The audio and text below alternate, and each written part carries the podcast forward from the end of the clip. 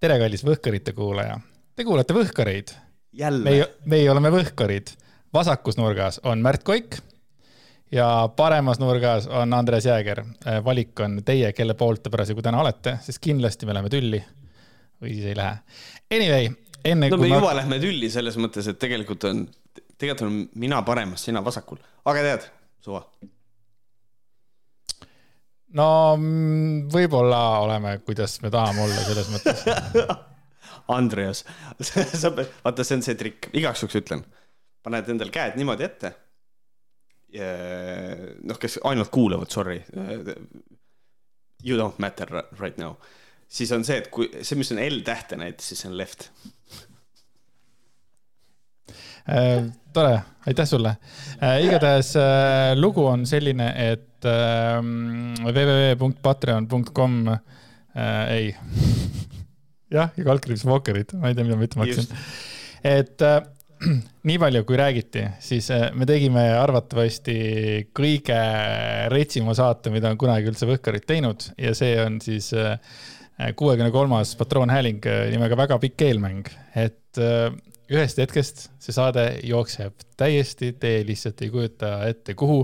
me saame tänada William Kovalit, kes äh, õpetas meid, kuidas, äh, ma ei tea, kuidas siis nagu siis naist sebida, äh, hiljem eelmängu teha, ei, seda te, aga seda saate kuulda et niimoodi pole ammu naernud. kui kellelgi on see mõte, et oh, väga pikk eelmäng, oh, ma tean, ma panen selle peale ja siis mul on pärast naisega hea õhtu. ei ei, see on väga see, pikk eelmäng lahkuminekuks küll. see oli, see oli rets selles mõttes tagasiside, et lihtsalt põhimõtteliselt rahvas läks hulluks, nii et äh, kui te veel ei ole Patreonid, siis äh, kasvõi kuuekümne kolmanda osa pärast on aeg sinna minna ja siis eelnevad kuuskümmend kaks osa ka ära kuulata, et pange hullu. vot äh,, rohkem äh, mul reklaam, teatande, teata, teadaandeid ei ole Ehm, minul ei ole ka otseselt peale selle, et kui ma ei eksi, siis üheteistkümnendal novembril äh, ma käisin Tre raadios ja minuga oli seal intervjuu äh,, sihuke pikem intervjuu. niipidi-naapidi on selle saate nimi vist äh,. nii, kes oli saatejuht, mis ta tahtis sinust? Äh, Piret Linnamägi tahtis lihtsalt rääkida minust, minu, noh, see oli niisugune, kuidas ma ütlen, natukene korrektne, võib-olla isegi nagu persoonisaade, mitte nagu nii väga mingil päevakajalisel teemal rääkida, muidugi väga raske oli mitte mainida bensiini ja Grünthali, aga nagu selles mõttes, et sihuke, rääkisin seal endast natukene. okei okay,, kas seda saab kuskilt järgi, järgi ja kuulata või? ma eeldan, et saab, ma, ma, ma seda ei tea, aga te võite kalendrisse valmis panna, et üheteistkümnendal novembril on eetris mm. -hmm tegelikult sa ütlesid seda üksteist november ja siis ma lasin see kõrvust mööda, siis tulin tagasi, siis buum-buum, kõik, kõik kokku tuli ka, et kõigest sain aru, et jess.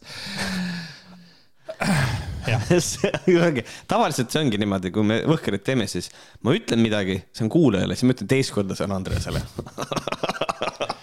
Aga Märt, kui sa ei tea, siis äh, mul on ATH, et sa teaksid nagu ka päriselt Mm -hmm, aga aga tegelikult mul on see tähelepanuhäire on mul, et see aktiivsust väga palju seal ei ole sees, et on ainult tähelepanuhäire nagu päriselt ka. seega, tead, vahepeal läheb, ma olen iseenda naljades nii kinni kogu aeg, et ja, aga see on ka okei. Okay., see on nagu selles mõttes, et äh, see on okei. Okay ja, aga kindlasti, mis ei ole okei okay,, on äh, Brigitte Susanne Hundi seiklused. Ja ma olen päriselt äh, selle laine peal ja ma tahaks natukene yes!. ma tahaks natukene sellest ka rääkida, sest et me ei ole näinud nii kaua oma kalliste kuulajatega ja sinuga ma pole näinud kaks nädalat, aga noh, tavakuulajatega siis äh, kolm nädalat. mis vahepeal toimus? Brigitte Susanne Hundiga ilmus lõpuks raamat. Äh, ütles, et äh, nüüd on hind nelikümmend viis euri.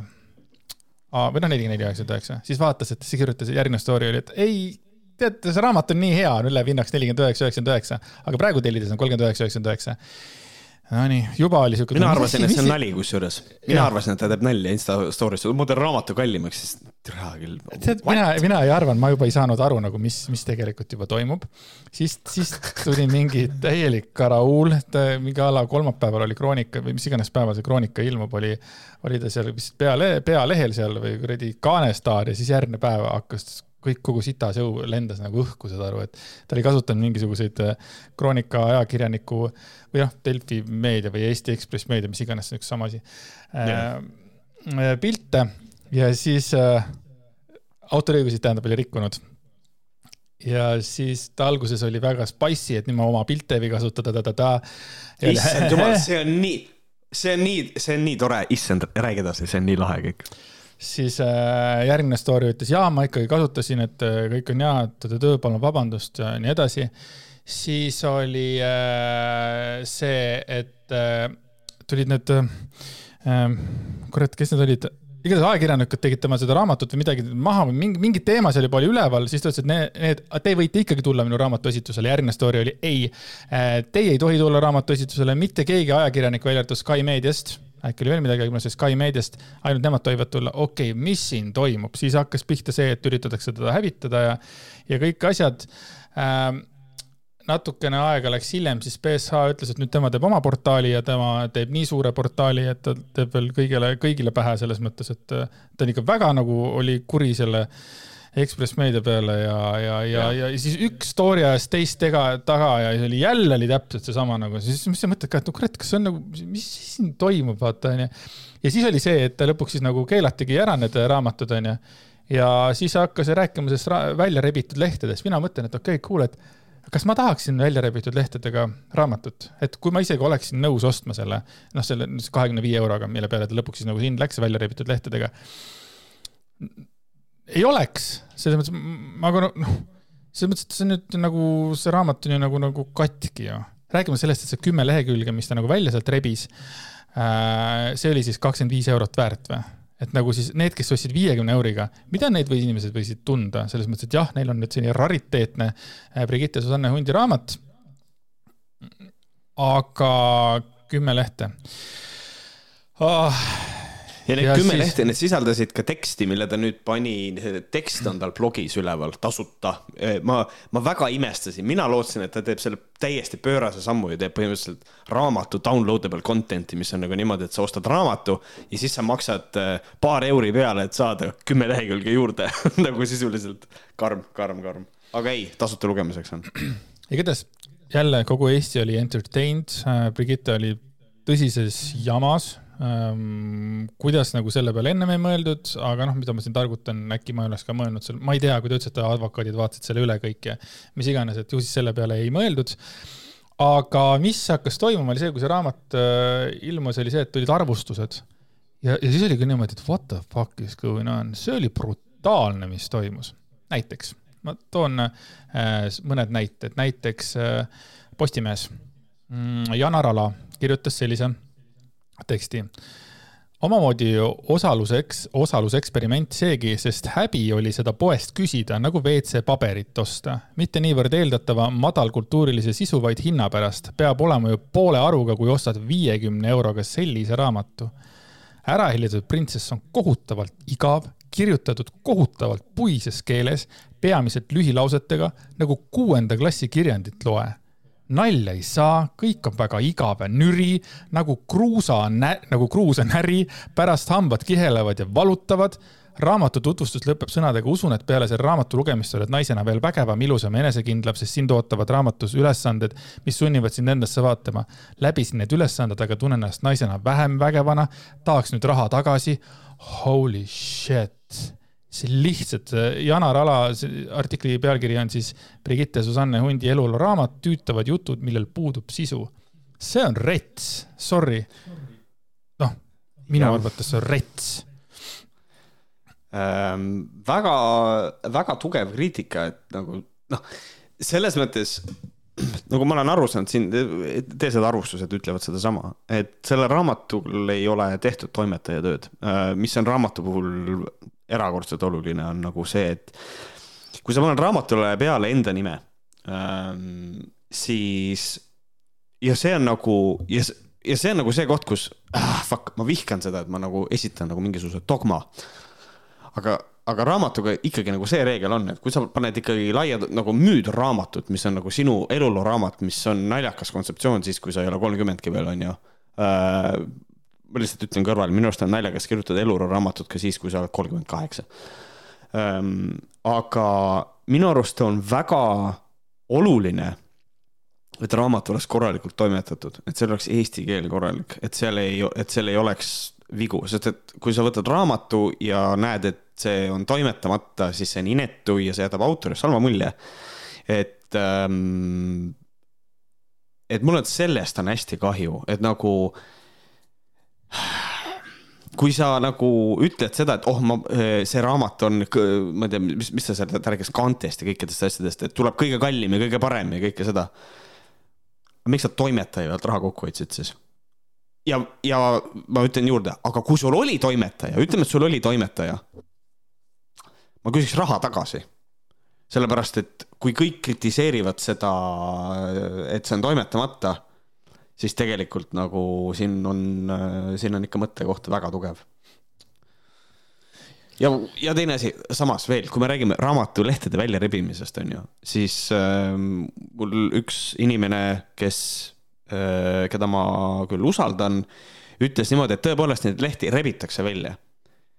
ja siis minul on kohe nagu tund-, kurat, et kui sa raamatult lehti välja rebid, siis sa võid kahjustada köidet et need lehed tuleks välja lõigata, et sa võtad terava paberinoa ja sa lihtsalt šš, lõikad need lehed läbi, siis sa ei kahjusta köidet, aga see on nagu oht, et kui sa rebid, sa võid köitile liiga teha, mis tähendab seda, see raamat on suurema tõenäosusega kapsas, et noh, isegi nagu nii elementaarne asi, okei okay,, ma saan aru, sul on probleem on sellega, kohus on otsustanud, kui seal raamatus on need pildid sees, sa ei tohi seda eksemplari müüa. Muud varianti ei ole, tõepoolest lõikad, lõikad, lõikad need lehed välja, onju. huvitav on see, ma ei tea, kas, kas need kas need pildid ulatusid üle lehe või mitte. sest et siis mul tekib lihtsalt see küsimus, miks sa lihtsalt pilte välja ei lõiganud, kas sellepärast, et seal oli liiga palju tööd neid välja lõigata või? et niikuinii, kui sa juba hakkad seal rebima, aga lõika lihtsalt pildid välja. sest et äh, vähemalt blogipostituses mulle tundub vähemalt vormingus, mulle jäi mulje, et need ei ole nagu üle lehe pildid, mis tähendab seda, et noh, pildil, et kõikidel piltidel mulle tundus vähemalt on nagu valge ääris. et noh, et siis oleks lihtsalt raamat, kus on lihtsalt lehe sees on auk siis oleks pidanud mitte midagi välja rebima, et noh, lihtsalt lõikad pilte välja, aga see ei ole minu raamat. ma vist oleks pooldanud ka seda, et oleks ilusti noaga või kuidagi ilusasti kääridega või mida iganes nagu need välja lõigatud, et mitte rebitud ja mulle need augud ammugi ei meeldiks, sorry, see oleks minu jaoks veel rohkem cancel imine nagu ost, et see, see on nagu päriselt katkine raamat, vaata, et muidu noh, võib-olla petaks ära nende väikeste lõigatutega. aga mm. -hmm. Kroonikast siis Helen Heidemann kirjutas sellise arvustuse ma ei tea, kuidas teiega on, aga minus ei tekita eluloo raamatu tunnet see, kui ma saan sealt teada, mida täpselt läheb vaja ühe seltskonna tegelase Meelis Roa ehk veise tarri tegemiseks. üllatun, kui näen seda retsepti raamatu osas, mis räägib mitmel leheküljel sellest, kuidas Brigitte lõi kaasa TV3 kokkamissaates. raamatus on teisigi toiduretsepte ja lausa mitmes peatükis. eluloo raamatust on saanud kokaraamat. muide, samad Joel Ostrati Suure õhtusöögi saates olnud retseptid on olemas TV3 veebiportaalis tasuta juba ligi kolm aastat. head kokkamist ja siis jälle see teksti teema. raamatu tekstilisest poolest rääkides see literatuurne meistriteos kindlasti pole, kuna poole raamatu pealt tekib tunne, et toimetaja on kuskile haihtunud. ma ei räägi faktivigadest, mis on tekkinud näiteks aastaarvuga eksimises, ma räägin sellest, et kõvade kaante vahel on topitud näiteks Facebookist võetud postitus, mis on täiesti toimetamata uh,. nii, jätkame, siis äh, kirjutas äh, äh järgmise arvustuse Loretta Kruusimäe ja see, see, see arvustus on minu jaoks on nagu, nagu mis asi see, mis asi see on nagu. et äh, aga ma kohe loen ja siis äh, mõtlen, mida ma mõtlen sellega. kuulake nüüd, mina ei ole vaadanud filmi ega lugenud raamatut, aga ma olen kuude viisi sõbrannadega rääkinud, et seal pole nagunii midagi uut ning tundub, et täpselt nii ongi seega mina nimetaksin kogu lugu pettuseks. Brigitte reklaamib end alati kui suurt professionaali, nüüd on ta paisanud inimeste ette kümme eurot maksma Youtube'i video ning naeruväärset äh, kalli ja halvasti toimetatud pildi ja kokaraamatu. midagi nii naeruväärset poleks isegi mina oodanud, kuigi olin algusest peale skeptiline. hea, et öeldakse ausalt välja, et see polnud raha väärt. loodetavasti on need üllitised siis varsti seal, kuhu nad kuuluvad. ajaloo prügikastis. Äh, Postimehe poolt siis on niisugune asi. ja siis ähm, mis ma nüüd tahtsin selle kohta öelda, kui nüüd hakkasid tulema need arvustused, need arvustused oli veel onju, need kui arvustused tulema, mul oli siuke tunne, et nagu, et kui üks inimene veel ütleb BSA raamatu kohta midagi sitasti, siis ma lihtsalt nagu hakkan neid inimesi sõimama Twitteris või kuskil iganes kuskil, et nagu, et türa, lõpetage ära, mis asi see on, vaata. et see, see on täpselt mul, ma saan aru, et see ei ole koordineeritud rünnak, aga saad aru, see nagu välja nagu koordineeritud rünnak, et nagu kõik kõik, kes said nagu hakata lihtsalt nagu äh, sülitama ja kusema BSH peale, need siis seda tegid, see oli nüüd nende võimalus siis klikke koguda, mis asi see nagu oli nagu. ma olin nagu, mis asi, mis, mis asi siin toimub praegu? nii, siis tuli see kümme lehekülge, mida Brigitte nagu lasi siis lugeda, onju. mul oli niimoodi fuck yeah baby, näitamiseks oleks suuteline. nagu ma olen sinu poolt, Brigitte. ma lugesin läbi selle ja mõtlesin, mis asi see on nagu selles mõttes, et äh, see oli nii pealiskaudne ja, ja, ja lihtlaused lihtlauseteks, et inimesi, ongi hea lihtne lugeda kui lihtlausetega, aga see oli nii pealiskaudne. nagu tegelikult ma ei saanud nagu mitte midagi sealt. ja võib-olla on asi minus, onju. ja ma olin, ma olin nii kurb, päriselt ka. sest ma nagu ootasin nagu kogu selle, selle, kuidas ta nagu üles ehitas selle noh, reklaami nagu noh mm, -hmm. ma ootasin nagu midagi. Mina mäletan seda story't, mis oli see, et keegi ilus inimene võiks ka äh, raamatuarvustuse kirjutada ja, ja siis seal oli kuidagi, ta nimetas neid äh, kiimas naiste mingisugused, ühesõnaga noh, ta andis väga selgelt mõista, et mingisugune, see on mingi naisteviha ja mis tema vastu on. ja siis eriti tore oli see, et äh, paar story't hiljem siis ta rääkis juba, siis ta ütles seda, et, et et, äh, et noh, et kui keegi kirjutab tema kohta halvasti, siis ta ei võta seda isiklikult ja siis mul oli nagu see, girl, sa läksid väga isiklikuks ise. sa ütled, et sa ei võta seda isiklikult, aga miks sa ise isiklikuks lähed? kui kellelegi ei meeldi su raamat, siis sa annad talle mõista, et ta on mingi kiimes ja talle, ja ta on mingi kole inimene. mõni ilus inimene võiks ka raamatut, raamatu arvustuse kirjutada. nagu kuule, et noh, tegelikult see on nagu see, et äh, ikka jälle, ma jõuan sinna tagasi äh,. Brigittel, ma ei tea kui me hakkame nagu track ima seda asja, siis tema track record on hästi inetuks muutunud peale äh, seda kuradi vallalist kaunitori. tahtsin öelda peale, peale Sal Salleri skandaali, aa ei, ei olnud see Hendrik Salsar, see oli Terras. jah, et, äh, et peale seda mulle tundub, et äh, tal on mingi klõps nagu läbi käinud peas ja tal on mingisugune äh, scorched earth mingisugune mentaliteet. Doesn't work see ja, ja seda ongi meediast väga hästi näha, et noh, tegelikult äh, ta mõnes mõttes, mina ütleks seda, et ta on olnud nagu veits nagu sihuke darling meedial ikkagi ka, sest et noh, väga hea meelega temast kirjutatakse, isegi siis, kui ta teeb asju, mis nagu ei ole okei okay,, et noh, siis ka ikkagi noh, tal see mingi autoremondi jama, siis oli veits nagu see, et laiutame käsi onju, et kurat, ma ei tea, kas sul on õigus, Brigitte. aga nüüd on nagu asi nagu täiesti käest ära läinud, et nagu selles mõttes äh, noh, nagu ma olen öelnud, äh, minu arust võiks kuu aega sotsiaalmeedias eemal olla lihtsalt. Äh, ma arvan, et see teeks asja juba, juba nagu palju-palju paremaks.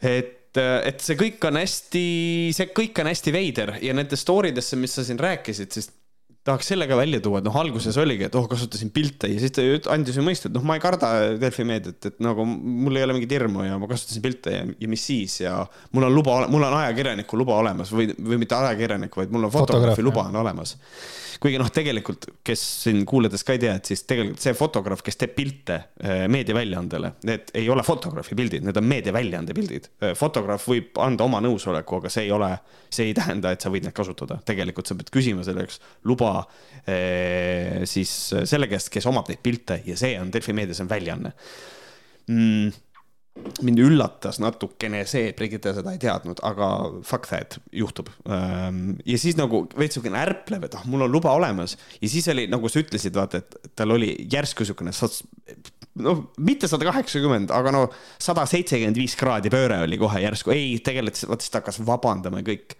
see on sellepärast, et ta suhtles vahepeal juristiga. Tal olid vahepeal juristid, mis kirjutasid, kuule, tegelikult on nii, noh, ma räägin tema enda juristid. ta suhtles oma juristidega ja siis ta sai aru, et I fucked up, tegelikult I fucked up. Ja siis oli vaja hakata äh, nagu veits äh, save ima. Ja siis oligi mul, mul abikaasa ka luges neid story sid ja vaatas neid ja ütles, et siin on täpselt selline tunne, et ta äh, tegi postituse, siis suhtles juristiga, tegi selle ajendil uue story siis tegi ise story, siis suhtles jälle juristiga, siis noh, et veits sihukene kordamööda tunne on, kus kohas tegelikult üritati vahepeal lappida mingeid asju, siis rebiti uus haav, siis lapiti seda, et noh, natukene nagu selline vibe paistis nagu läbi.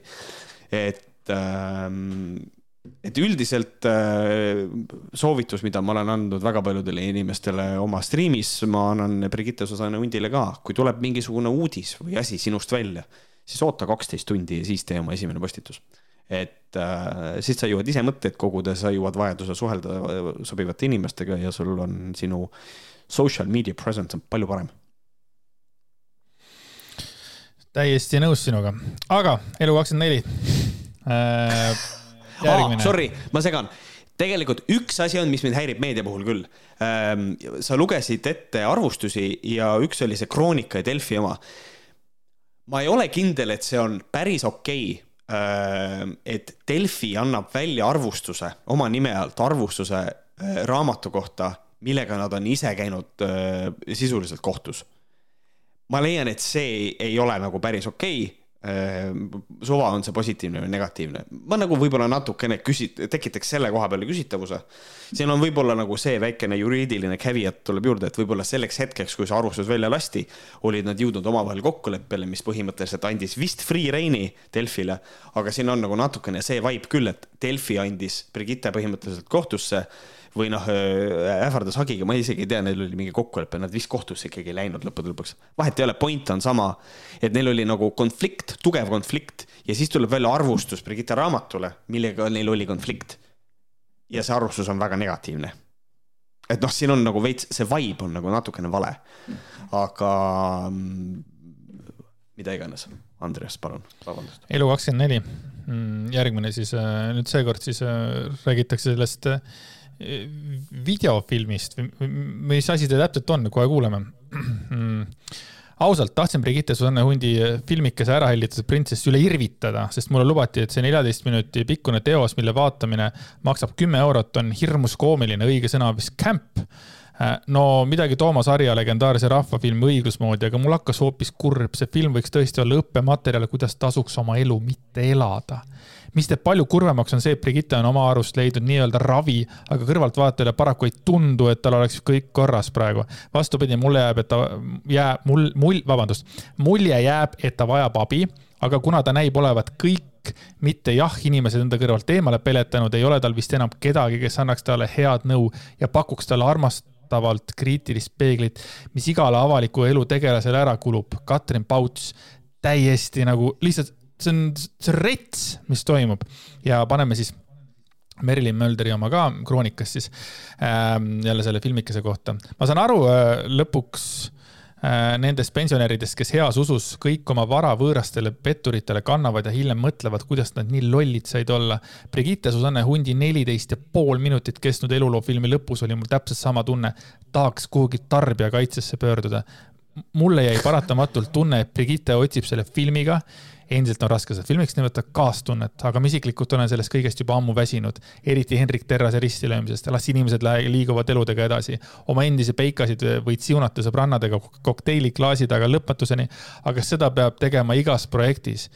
ja lihtsalt no lihtsalt annavad hagu lihtsalt, noh, see oli siis äh, Merilin Mölderi kaksteist tuhat eurot või rohkemgi maksnud Eesti kallim Instagrami story oli selle äh, artikli nimi lihtsalt ja mis on minu jaoks veel kõige arusaamatum, mis juhtus Ekspress Grupi või mis iganes Delfi grupp, mis asi see on nagu, nad, Brigitte Susanne Hunt oli seal, tegi seda podcast'i Pitch on ju, ta tegi mingeid asju, ta oli kogu aeg top of the world nagu.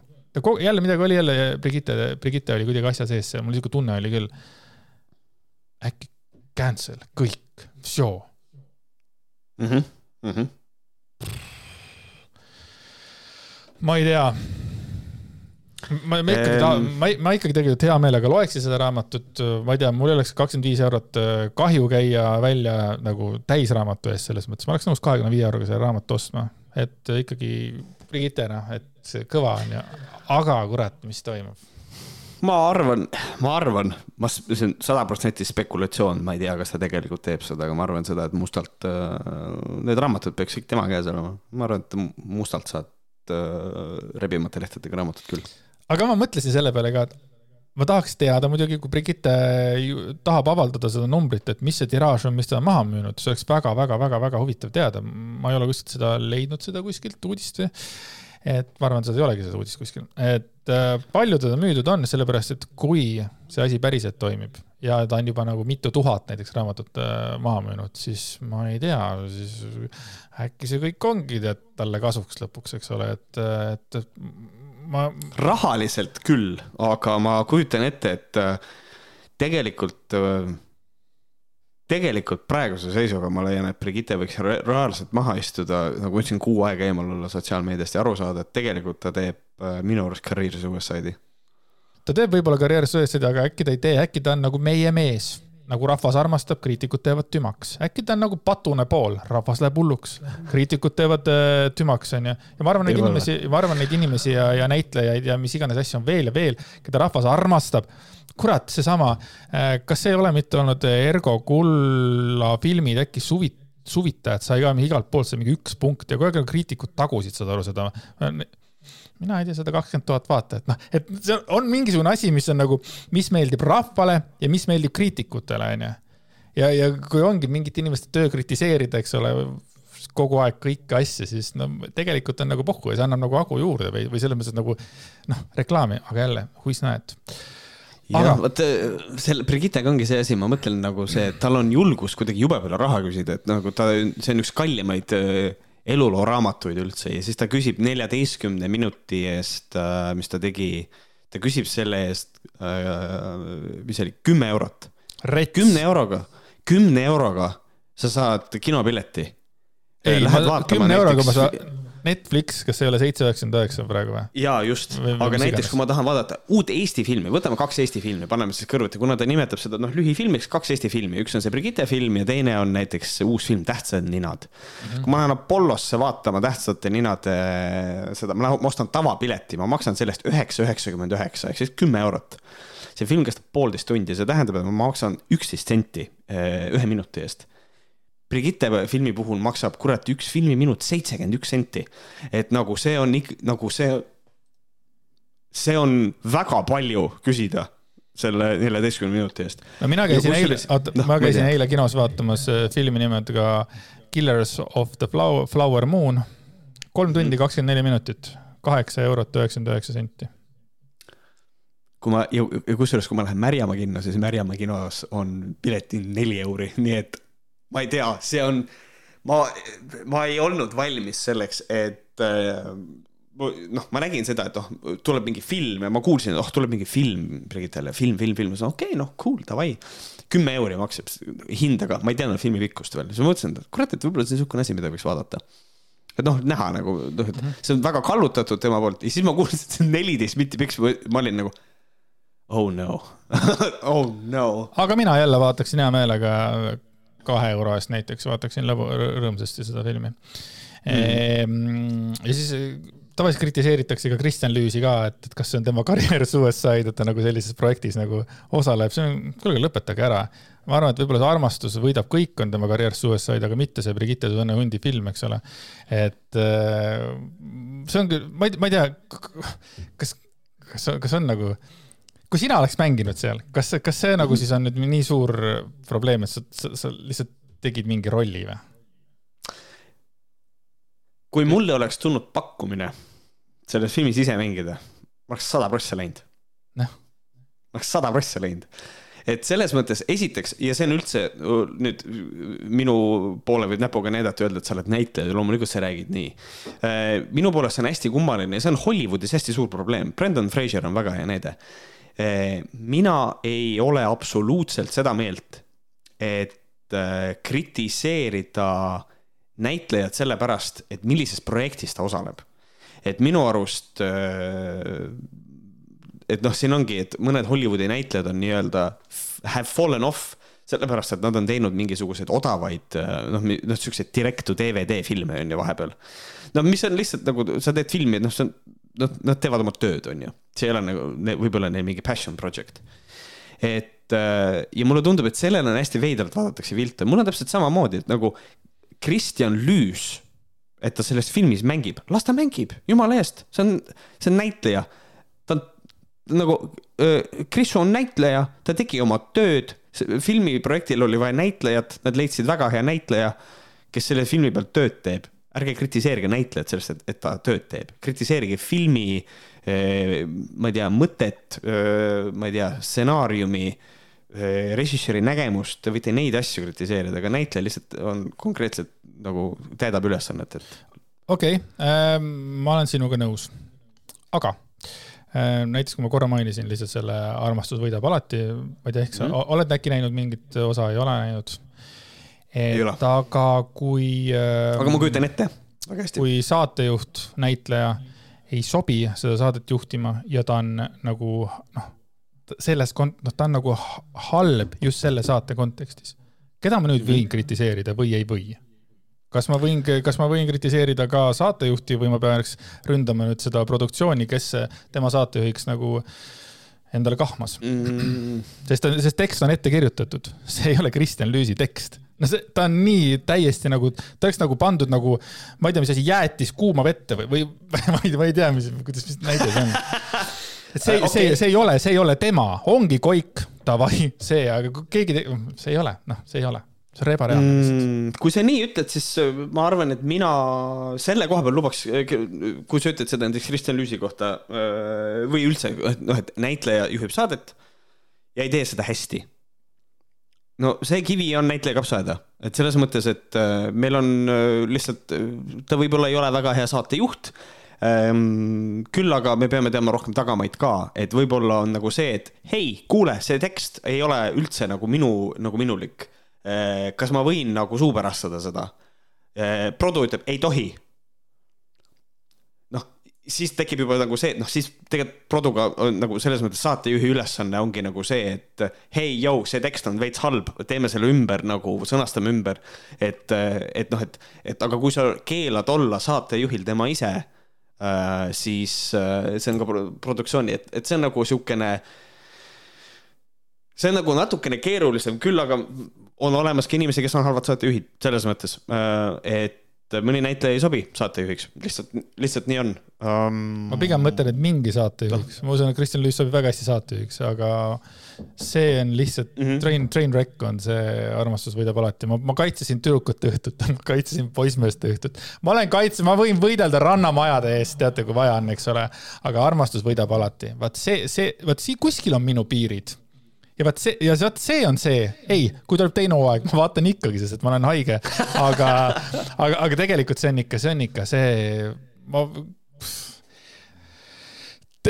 või räägime teinekord sellest, mis seal kõik hal- halvasti on, aga lähme ruttu veel äh, ühe, ühe asja veel, üks asi veel on vaja krattida, näiteks äh, kui Merilin Mölder siin kirjutas äh, Brigitte kohta, tema selle pikast Insta story kohta, mida ta soovis, siis äh, minu arvates Merilin Mölder on teinud nagu veel huvitavama asja, ta on pannud äh, ühe, ühe huvitavama pealkirja, mida ma olen näinud äh, artiklitel. ma ei tea, kas tema pani selle, vaata, see võis toimetaja töö ka olla, me ju ei tea, ma ei tea, kas sina tead, kas artikli ähm, autor paneb ise pealkirja, ma ei usu seda selles mõttes, et selles mõttes ma ei tea, sest kui mina olen olnud, kui ma olen kolumnist näiteks ja kui mina olen Eesti Ekspressi teen artikleid, siis tavaliselt need artikli pealkirjad, mis minul on töö pealkirjad, need lähevad Eesti Ekspressi paberlehte. see, mis tuleb mm. sinna noh, internetiavarustesse, jah, see, see, seda pannakse või vähemalt minul on mm, -hmm. ma ei tea, aga Merilin Mölder on päriselt ajakirjanik erinevalt minust, et äkki tal on rohkem, ma ei tea. igatahes Merilin Mölder pani pealkirjaks Silvia Ilvese saate kohta, siis pani pealkirjaks Silvia Ilvese uus tõsielusaade on Eesti parim rasestumisvastane vahend. nagu ma nägin, mul on, mis, mis toimub nagu päris, tegelikult see, see ei ole ju reaalne, et nagu ma, ma, ma olen Merilin Mölderi nagu selles mõttes ähm, kunstiga, ma olen tuttav. ma tean, et ta oskab öelda äh, väga inetult. ma tean, et ta oskab olla kohutavalt õel, ta võib kutsuda naisi lehtsabadeks ja nii edasi. artiklite sees, vaata, mitte nagu pealkirjades. aga mis asi see nüüd on? et ja kui Urmas Eliiv tõmbas, Urmas Eero tõmbas siis nagu kiunu ülesse Facebookis selle kohta, et mis asi see on, vaata samamoodi.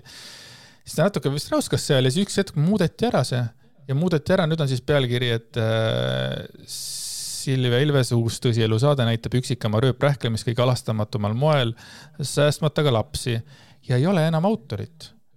miks ei ole enam autorit, kui autor oli olemas? mis, kuidas uh... nüüd, miks, mis, miks? Aga kui ma võtan praegu artikli lahti, siis on olemas autor all, Merilin Mölder. ahaa, see on tagasi vahepeal kadus ära või? jaa, ei olnud okay., vahepeal ei olnud. noh, siinsamas praegu on toimunud asju.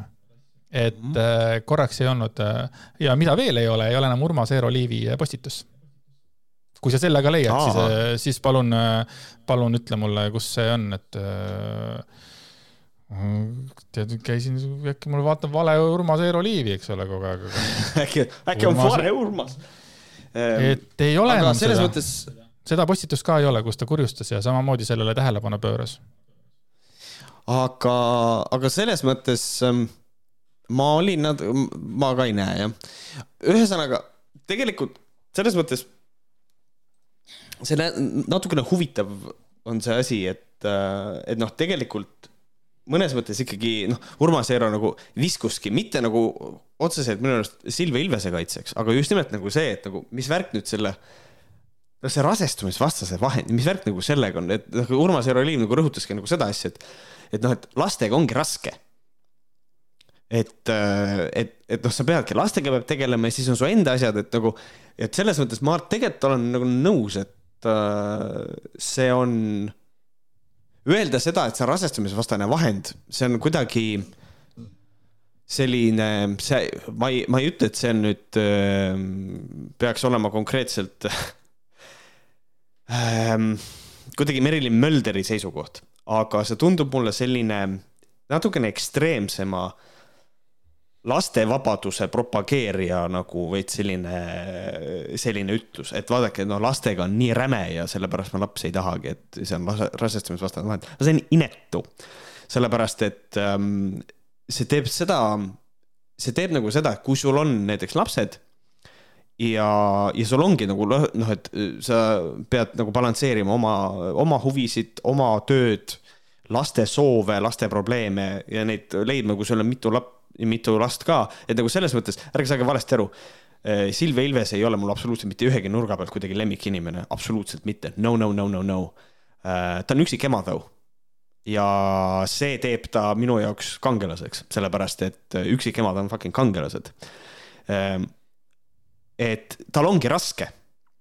ja kui sa ütled, et see on rasestumisvastane vahend, et miks mina lapsi ei taha saada, siis see on natukene ikkagi niisugune, et noh, tegelikult see on, see on, tegelikult see on koledasti öeldud ikkagi. et nagu, mis see siis nüüd on, et äh, vaatad üksikema elu, kellel on niigi raske ja siis, ja siis see hinnang on nagu sealt see, et näed see on see elu, nagu mina ei taha elada ja nüüd ma vaatan, kuidas sul on, kuidas sinu elu on ja see on minu jaoks rasestumisvastane vahend. There is no way, kuidas see kõlab hästi. aga see on nii selles huvitav mõttes, ma olen kriitikaga nõus. see on hästi huvitav, et minu puhul, et äh, kui ma näen, et kuskil tuleb midagi nagu minu jaoks nagu hästi vastuvõetamatut, onju, siis äh, kuidagi, no näiteks Silvia Ilvese see asi, tuli artikkel ära, ma lugesin artikli ära, mõtlesin, mida vittu. ja ma olen, ma kuidagi, ma olin nagu Silvia Ilvese poolt. ta Silvia Ilves, ma ei tea, kas ta oli midagi öelnud või ei olnud sellel hetkel, ma olin Silvia, ma vaatasin selle, selle, selle üks nädal Silvia Ilvesega äh, esimese osa ära no jaa, asju on, mida, mida kritiseerida seal, aga nagu mitte nagu Silvia Ilvest nagu kui emana või nagu selles nagu ma, ma, ma ei tea, ma olen nagu Silvia Ilvese nagu poolt, nagu päriselt ka, Silvia Ilvese poolt. aga seal oli üks huvitav mm,, see oli siis nagu äh, mingi virtuaalabiline Hugo, whatever the fuck is that on ju, siis ähm, ütleb siis mingeid nimesid, et noh, Silvia Ilvesele, et mängi siis selle Poognaga mingisugune no, nagu muusika, vaata, Kaja Kallas, vaata siis äh, tegi Kaja Kallase kohta mingit äh, töö-töö-töö, ei olnud vale koht, see on teine, mis see on see? Seda vist pani. noh, et see oli Kaja Kallas ja siis oli Donald Trumpi kohta ja siis äh, see su vanem poeg oli seal ka onju, et oh ja sina Donald Trumpi sulle väga meeldib ja siis, et ja, ja, ja, et siis tuleb välja, et nagu sellele vanemale pojale väga meeldib Donald Trump sellepärast, et, et ta võitleb selle transseksuaalsuse või ah, soo vahetamise vastu. mul oli niimoodi, et te päriselt ka jätsite selle sisse või?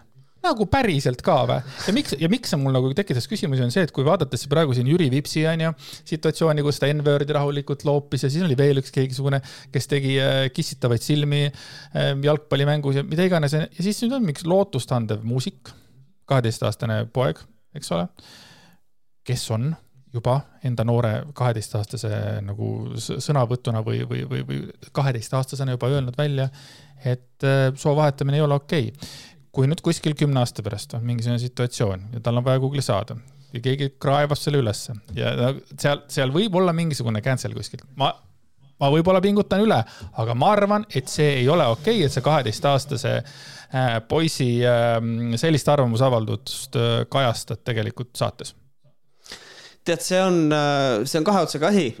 mina nagu tunnen, mina nagu tunnen seda, et selle saate kontekstis see, see ütleb. See saade on võtnud eesmärgiks näidata Silvia Ilvese seda mingit poliitilist vaadet ka ju, noh, mis tuleb inimeselt niikuinii välja, et nagu selles mõttes. kui sa veedad inimesega nädal aega koos, et noh, olgem ausad, fakt on see, et inimene kaamera ees ei käitu nii, nagu ta tavaliselt kodus käitub. ikkagi mingid asjad, millele sa tahad tähelepanu juhtida ise, kui, kui kaamerad on ja nii edasi, et see poliitilised eelistused, need tulevad välja. kaheteistaastase lapse puhul lapse mingisugune selline väljaütlemine ütleb minu arust vanemate kohta rohkem kui lapse kohta, et nagu selles mõttes mina olen kahe käega poolt, noh, selles mõttes see ei ole nagu sina oled ka selle poolt, ma, ma nagu tean seda, sest et see tuleb su jutust nagu välja. Et nagu sina ütled, et seda ei oleks pidanud saatesse panema aga, aga kui see peaks näiteks kuskil kümne aasta pärast välja tulema, siis on, argument ongi, oli kaksteist.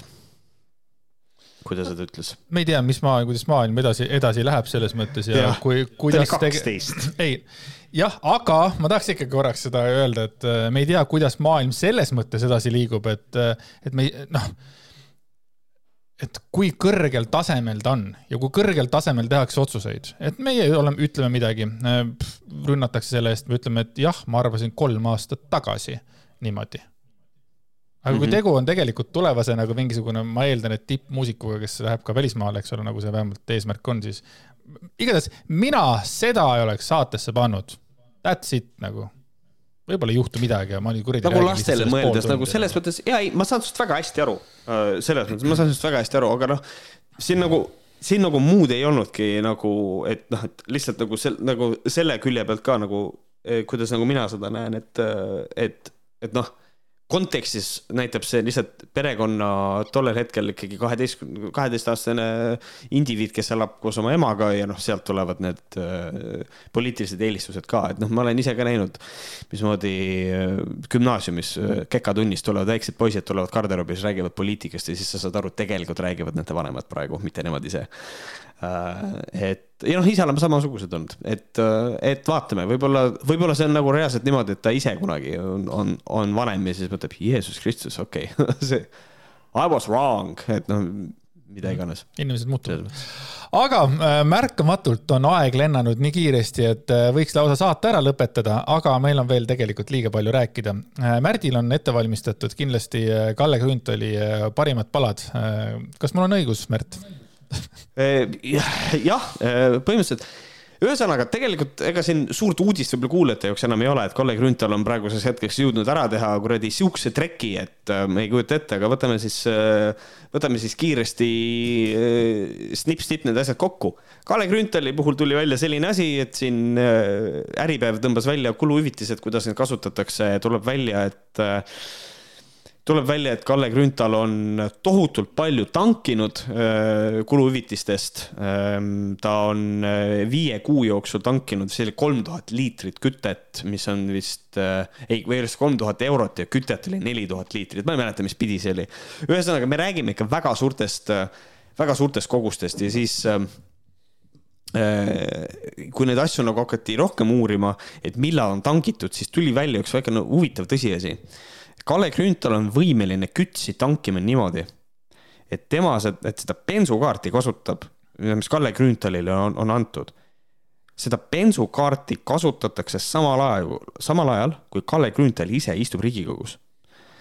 ehk siis keegi teine kasutas bensukaarti ka probleem ongi siis selles, et kütet on ostnud kütet on ostnud, on ostetud bensiini ja ka diislit aga see ei ole veel kõik Grünthal oli ennast sisse kirjutanud ühte majja, kus ta elab, sest et noh, ta elab väljaspool Tallinna, seega tal on võimalus kuluhüvitisi saada. et kui ta võtab endale elukoha Tallinnasse ja ajakirjanik läks aadressile kontrollima, et mis toimub, et kas siin elab Kalle Grünthal ja korteri omanik ütles, et millest te räägite, ma ei tea sellest mitte midagi. ja siis tekkiski nagu sellest probleem, et äh, ja küsiti Martin Helme kommentaari ja Martin Helme laia lõuaga räägib seda, et ajakirjanik ajas sassi, läks valele aadressile. ja siis tuli välja, et ajakirjanik nagu läkski valele aadressile, tegelikult ka, aga samas nagu ei läinud. nimelt tuleb välja, et Kalle Grünthal oli huvide deklaratsiooni kirjutanud korteri, kus ta sees ei elanud. Miks ta seda tegi, ei tea, sisuliselt tegu on valeandmete esitamisega küll. Äh, aga ta tegelikult elab hoopis teises korteris ja seda korterit hüvitatakse kuus tuhat euri, nagu ma aru sain. see on jälle see kuus tuhat euri jah, ühes kuus tuhat eurot.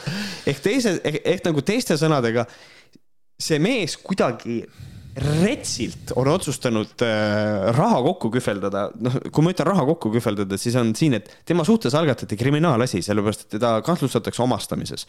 omastamine on siis see, et äh, sa kasutad seda hüve ära, seda kuluhüvitiste hüve enda kasuks, niimoodi, et sa saad sellest enda raha teha. kõige lihtsam viis, kuidas seda teha, on see, et sa äh, üürid korteri ja lased kuluhüvitistest selle korteri üüri kinni maksta aga ise seal ei ela ja üürid seal edasi, seal elab keegi teine, kes maksab sulle üüri. mis tähendab siis seda, et riik maksab selle korteri üüri kinni ja ümmarguselt sa saad sellest kasu, et noh, see, need on need asjad, mis ei ole okei okay, äh, nagu teha, on ju. Ja siis äh, suurte bensiinikoguste tarbimisega on täpselt samamoodi, et kui sa tarbid meeletus koguses bensiini kuluhüvitistest, mida meil lubatakse teha, mis on natukene naljakas siis kuidas sa seda bensiini kasutad, sa peaksid seda kasutama töösõitudeks, sa peaksid kasutama seda oma töö raames riigikogulasena, on ju. aga kui sa ostad endale bensu kokku, otseselt ei ole vist nagu reeglit ei olegi selle vastu, et ma võingi kanistrisse ka, ka panna. aga mis sa teed sellega, kas sa sõidad sellega nagu oma isiklikke sõite, kas sa müüd selle edasi, need asjad ei ole okeid tegelikult teha. Või on see, et sa kuna siin Kalle Grünthal võib äh, meil ka bussijuht olla, on ju, et siis äkki ta kallab selle bensu endale bussi ja siis sõidab bussiga, tema ettevõte teeb tööd selle rahaga, mis on, mis ei ole nagu mitte kuidagi okei okay,, see peaks olema lausa karistatav. et ühesõnaga, Kalle Grünthal on nagu selliseid asju teinud, eks ole, et sihukeste põnevate, põnevaid asju ajab ähm,. aga mis puudutab seda, et ta kütsikaardi andis teise inimese kätte, siis selle kohta on artiklis on hästi toredasti kirjutatud. kas rahvasaadik võib kütusekaardi teise inimese kätte anda, on nii keeruline küsimus, et Riigikogu pressiteenistusel võtab sellele vastamine ligi kaks päeva seda pole lihtsalt varem juhtunud, keegi pole mõelnud, et seda peaks kodukorras reguleerima. see hämmastas mind, kas tõesti, kas tõesti on nii? minu arust võiks ikka nagu seda kütsikaarti kasutada see inimene nagu et noh, minu arust see võiks olla hästi selge, ma saan aru, mina, mina olen Riigikogus, onju. nii, ja Andreas ja, ja, ja ma sõidan näiteks, võtamegi siukse asja, siin vahepeal selle vastu ka sõditi, kuidas Juku-Kalle Raid kütsi kasutas. Juku-Kalle Raid ei teinud mitte midagi valesti selles mõttes, et ütleme, et mul on vaja riigi, Tart-, olla Tartus ja sõita sealt Tallinnasse tööle, nii. Äh, Andreas peab mind viima sest mul ei ole autot, ütleme, ja kui tema mind sinna viib, siis mina leian, et selle kütusekulu, see on täiesti okei okay, selle kaardiga ära maksta. ma ostan Andresele autosse kogu selle sõiduks kulunud bensiini, on ju, ja hüvitan selle kuluhüvitistest. ma leian, et see on, see on tegelikult põhjendatud. nii, ja kui ma nüüd annan, olen ise autos, annan äh, selle kaardi Andrese kätte, Andres äh, teeb selle viipe seal ära, ma leian, et that's fine. aga ma leian, et sellel hetkel, kui mina istun Riigikogu saalis ja Andres maksab, siis meil on midagi perses nagu. ma leian, et see ei ole okei okay aga need on, äh, kodukorras need ei ole reguleeritud. ma arvan, et äh, selle asja võiks nagu ette võtta. aga nüüd, kuhu me kõik äh, lõppkokkuvõttes oleme jõudnud selle asjaga, on see, et Kalle Grünthal otsustas EKRE-st välja astuda. Ehm, ja siis ta otsustas lahkuda ka Riigikogu EKRE fraktsioonist ja siis tuli uudis, et ta tegelikult ei otsustanud sealt lahkuda, vaid tegelikult, kuna ta välja astus, siis fraktsioon otsustas, et Kalle Grünthal läheb meie fraktsioonist ära, ta tegelikult löödi välja sealt ja nüüd ta istub üksinda, on parteitu ja istub akna all ja, ja kõige robustsem lollus on see, et ta ei läinud Riigikogust ära, tal on õigus Riigikogust mitte ära minna ja, ja see on ERR-is üks, minu arust üks parimaid intekaid üldse, mis seal kunagi tehtud on, see on lihtsalt see. aus. selle mehe, selle mehe nahaalsus on nii silmapaistev. et ajakirjanik küsib ta käest, et kas te plaanite Riigikogust lahkuda. ma arvan, et mitte. aga miks? Aga miks ma peaksin, kui valijad on mulle hääled andnud ja kui te vaatate mu Facebooki lehele, kui palju seal on toetusi, ma ei oleks uskunud, et nii palju toetatakse. esiteks, Kalle, kallis, see, kui palju sul on Facebookis jälgijaid, on täiesti pohhui, mitte kedagi ei koti, kui palju sul on Facebookis jälgijaid. oluline on üks hästi lihtne printsiip, sa olid EKRE nimekirjas Eesti Konservatiivne Rahvaerakond, sa olid seal ja sa said sisse tänu sellele, et Jaak Madisson osutus valituks, aga tema otsustas Europarlamenti minna, sellepärast et seal on kõrgemad palgad, onju. ta läks sinna ja Kalle Grünthal sai asendusliikmena EKRE saadikuna Riigikokku. sa ei pea ära minema, sul ei ole kohustust aga härrasmehelik ja riigimehelik oleks tegelikult Riigikogust ära minna, sellepärast et sa ei ole enam erakonnas ja sa peaksid tegema tee lahti, et saaks järgmine EKRE saadik sinna tulla, aga ma saan aru, kütsi hind on kõrge ja tahaks kuluhüvitisi saada veel.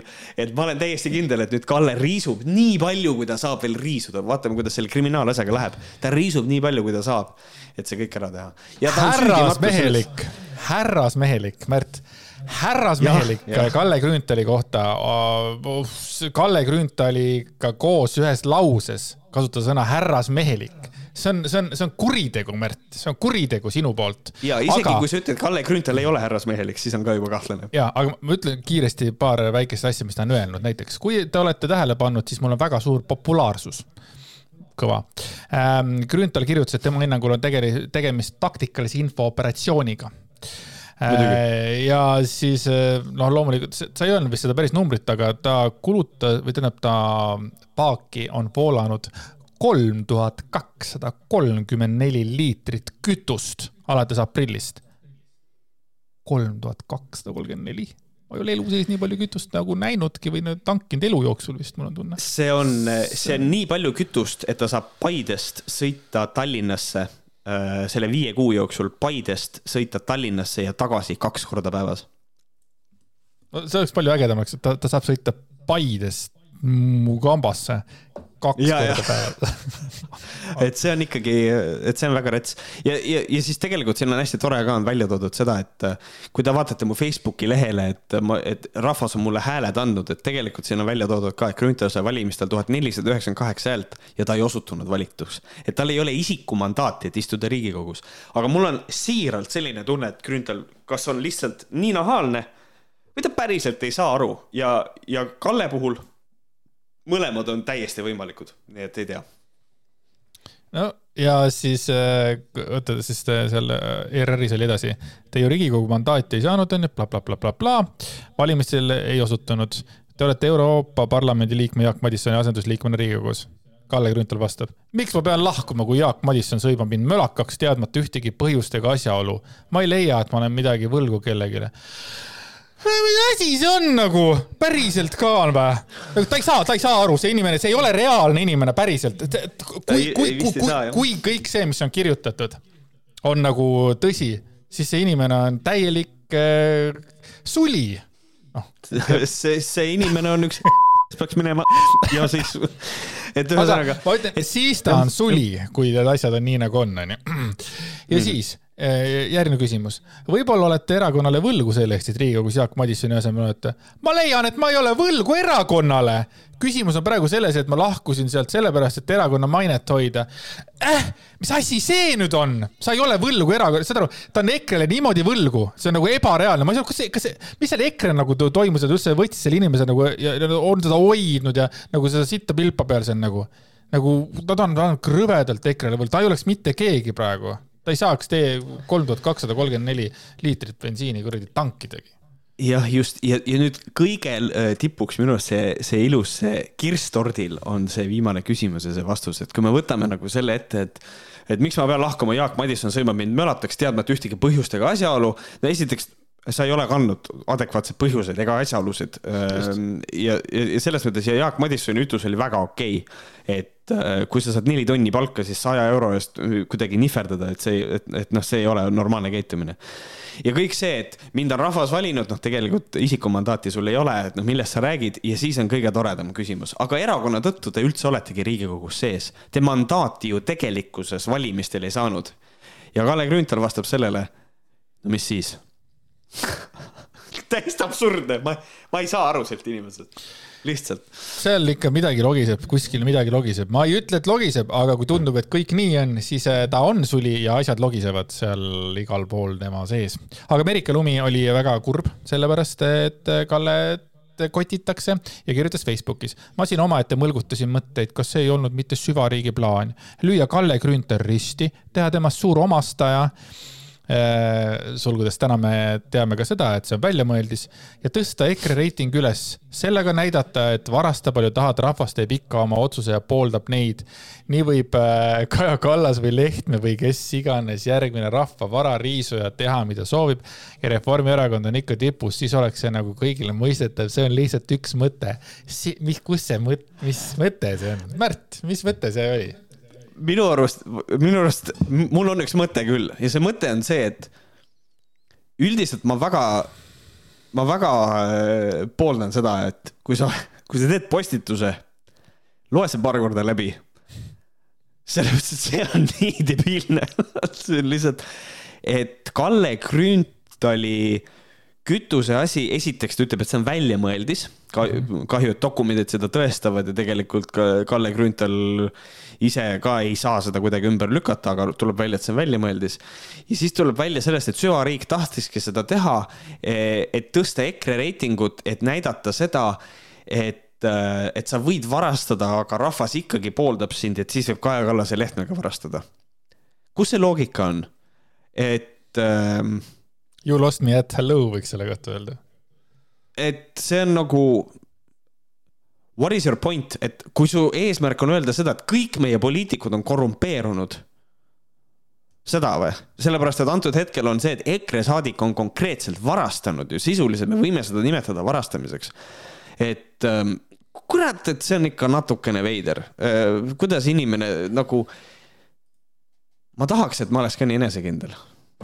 et ma võin äh,, et ma võin äh, sihukese postituse teha ma võin, äh, ma teen selle postituse, mõtlen, vot, näete, ma olen tubli haige mm., haige.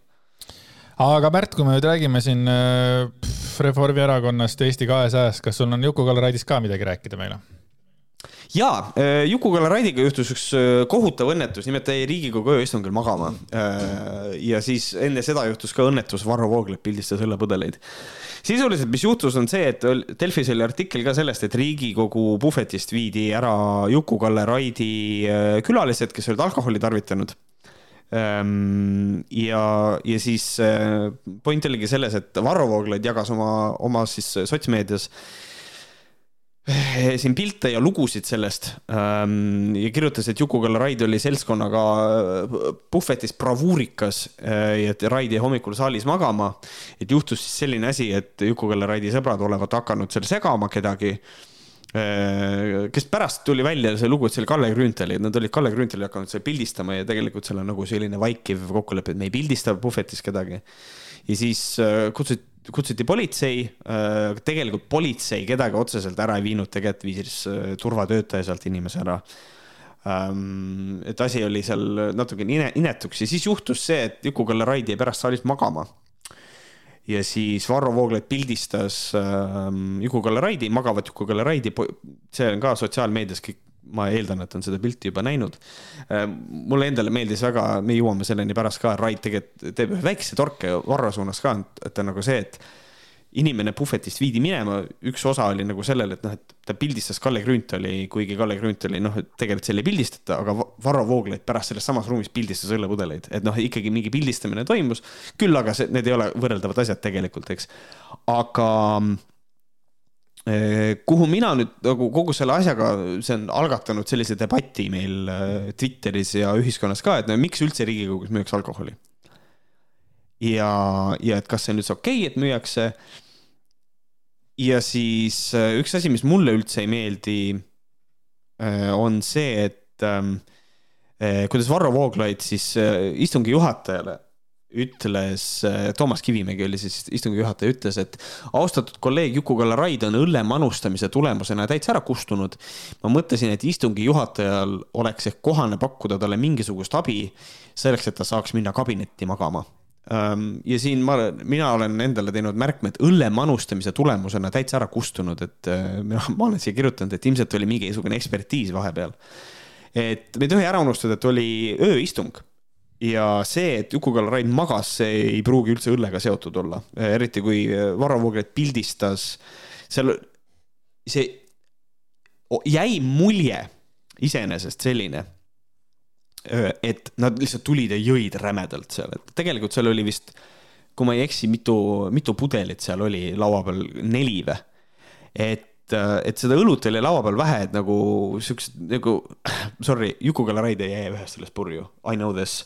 et, ähm, et noh, et siduda tema magamist ja õlut, ma leian, et ähm, need ei ole omavahel seotud, inimene jäi magama, sest et oli ööistung mm.. no tead, tead, Märt või? Kui sa kurat oled Riigikogu, vittu, sul on vaja juua seal seda õlut üldse või kas sa oled purjus veel, et türa, sa jood seda, ära joo töö ajal õlut nagu, mis kuradi vahet seal on, kas see on ööistung, hommikuistung või kuradi lõuna vahepealne istung, ära joo kuradi õlut, kui sa oled kuradi äh, tööl päriselt ka. ma olen üldiselt sellega nõus, ma leian seda, et, äh, et Riigikogu tööd tehes äh, alkoholi tarbimine ei ole okei okay. ähm,. kuigi see on, see on selline äh, kuidas seda, kuidas seda nüüd nimetada, see on selline väärtushinnangu küsimus pigem kui, kui, kui, kui midagi muud, et äh, väärtushinnanguna ma leian, et see ei ole okei. Okay.. et äh, meil üldiselt on, et tööd ei tehta alkoholijoobes, küll aga see peaks olema igasugustes töölepingutes ja asjades sees, aga noh äh,. riigikogus seda ei ole ja ma ei, ka ei tea, kuidas seda, see kodukorda vist saaks selle kuidagi kirja panna, onju, aga aga üldiselt jah, et ma olen nõus sellega, et ma arvan, et õlut joodes ei tohiks seda teha, jah selles mõttes. aga jätta te... mulje, et Juku-Kalle Raid on ennast joonud nii känni, et ta jäi magama, ei ole ka õige siin on kirjas artikkel, et Delfi vestles mõnede rahvasaadikutega ja siis keegi kirjutas või ütles, Juku, ta teebki pulli, pikk öö ka, võttis üks saadik juhtunud huumoriga. vittu, see ei ole naljaasi, mis asi see on, eriti veel kuradi Eesti kakssada, mida vittu seal toimub, päriselt ka. ma lähen jumala närvi selle kuradi Eesti kahesaja peale, see ei ole normaalne ja see ei tee mitte kellelegi head praegu. kas, kas Juku-Kalle Raid oli ja. täis või ei olnud, siin ei ole mingit vahet. kas Varro Vooglaid pingutas üle või ei pingutanud? Mul on täiesti ükskõik, aga üks vend magas seal ja kui ta üles äratati selle video pealt vaadates, ta ei olnud väga sellise näoga, et ta lihtsalt on natukene, aga see on lihtsalt spekulatsioon, vahet ei ole, aga türa... see on täielik spekulatsioon, kui me ärkame unest, siis me kõik näeme välja, nagu me oleme purjus, et selle koha peal ma panen küll käe ette. ära, sina pane käed ka igale poole ette, aga ära joo Juku-Kalle, päriselt ka noh. Mis asi see, mis asi see on?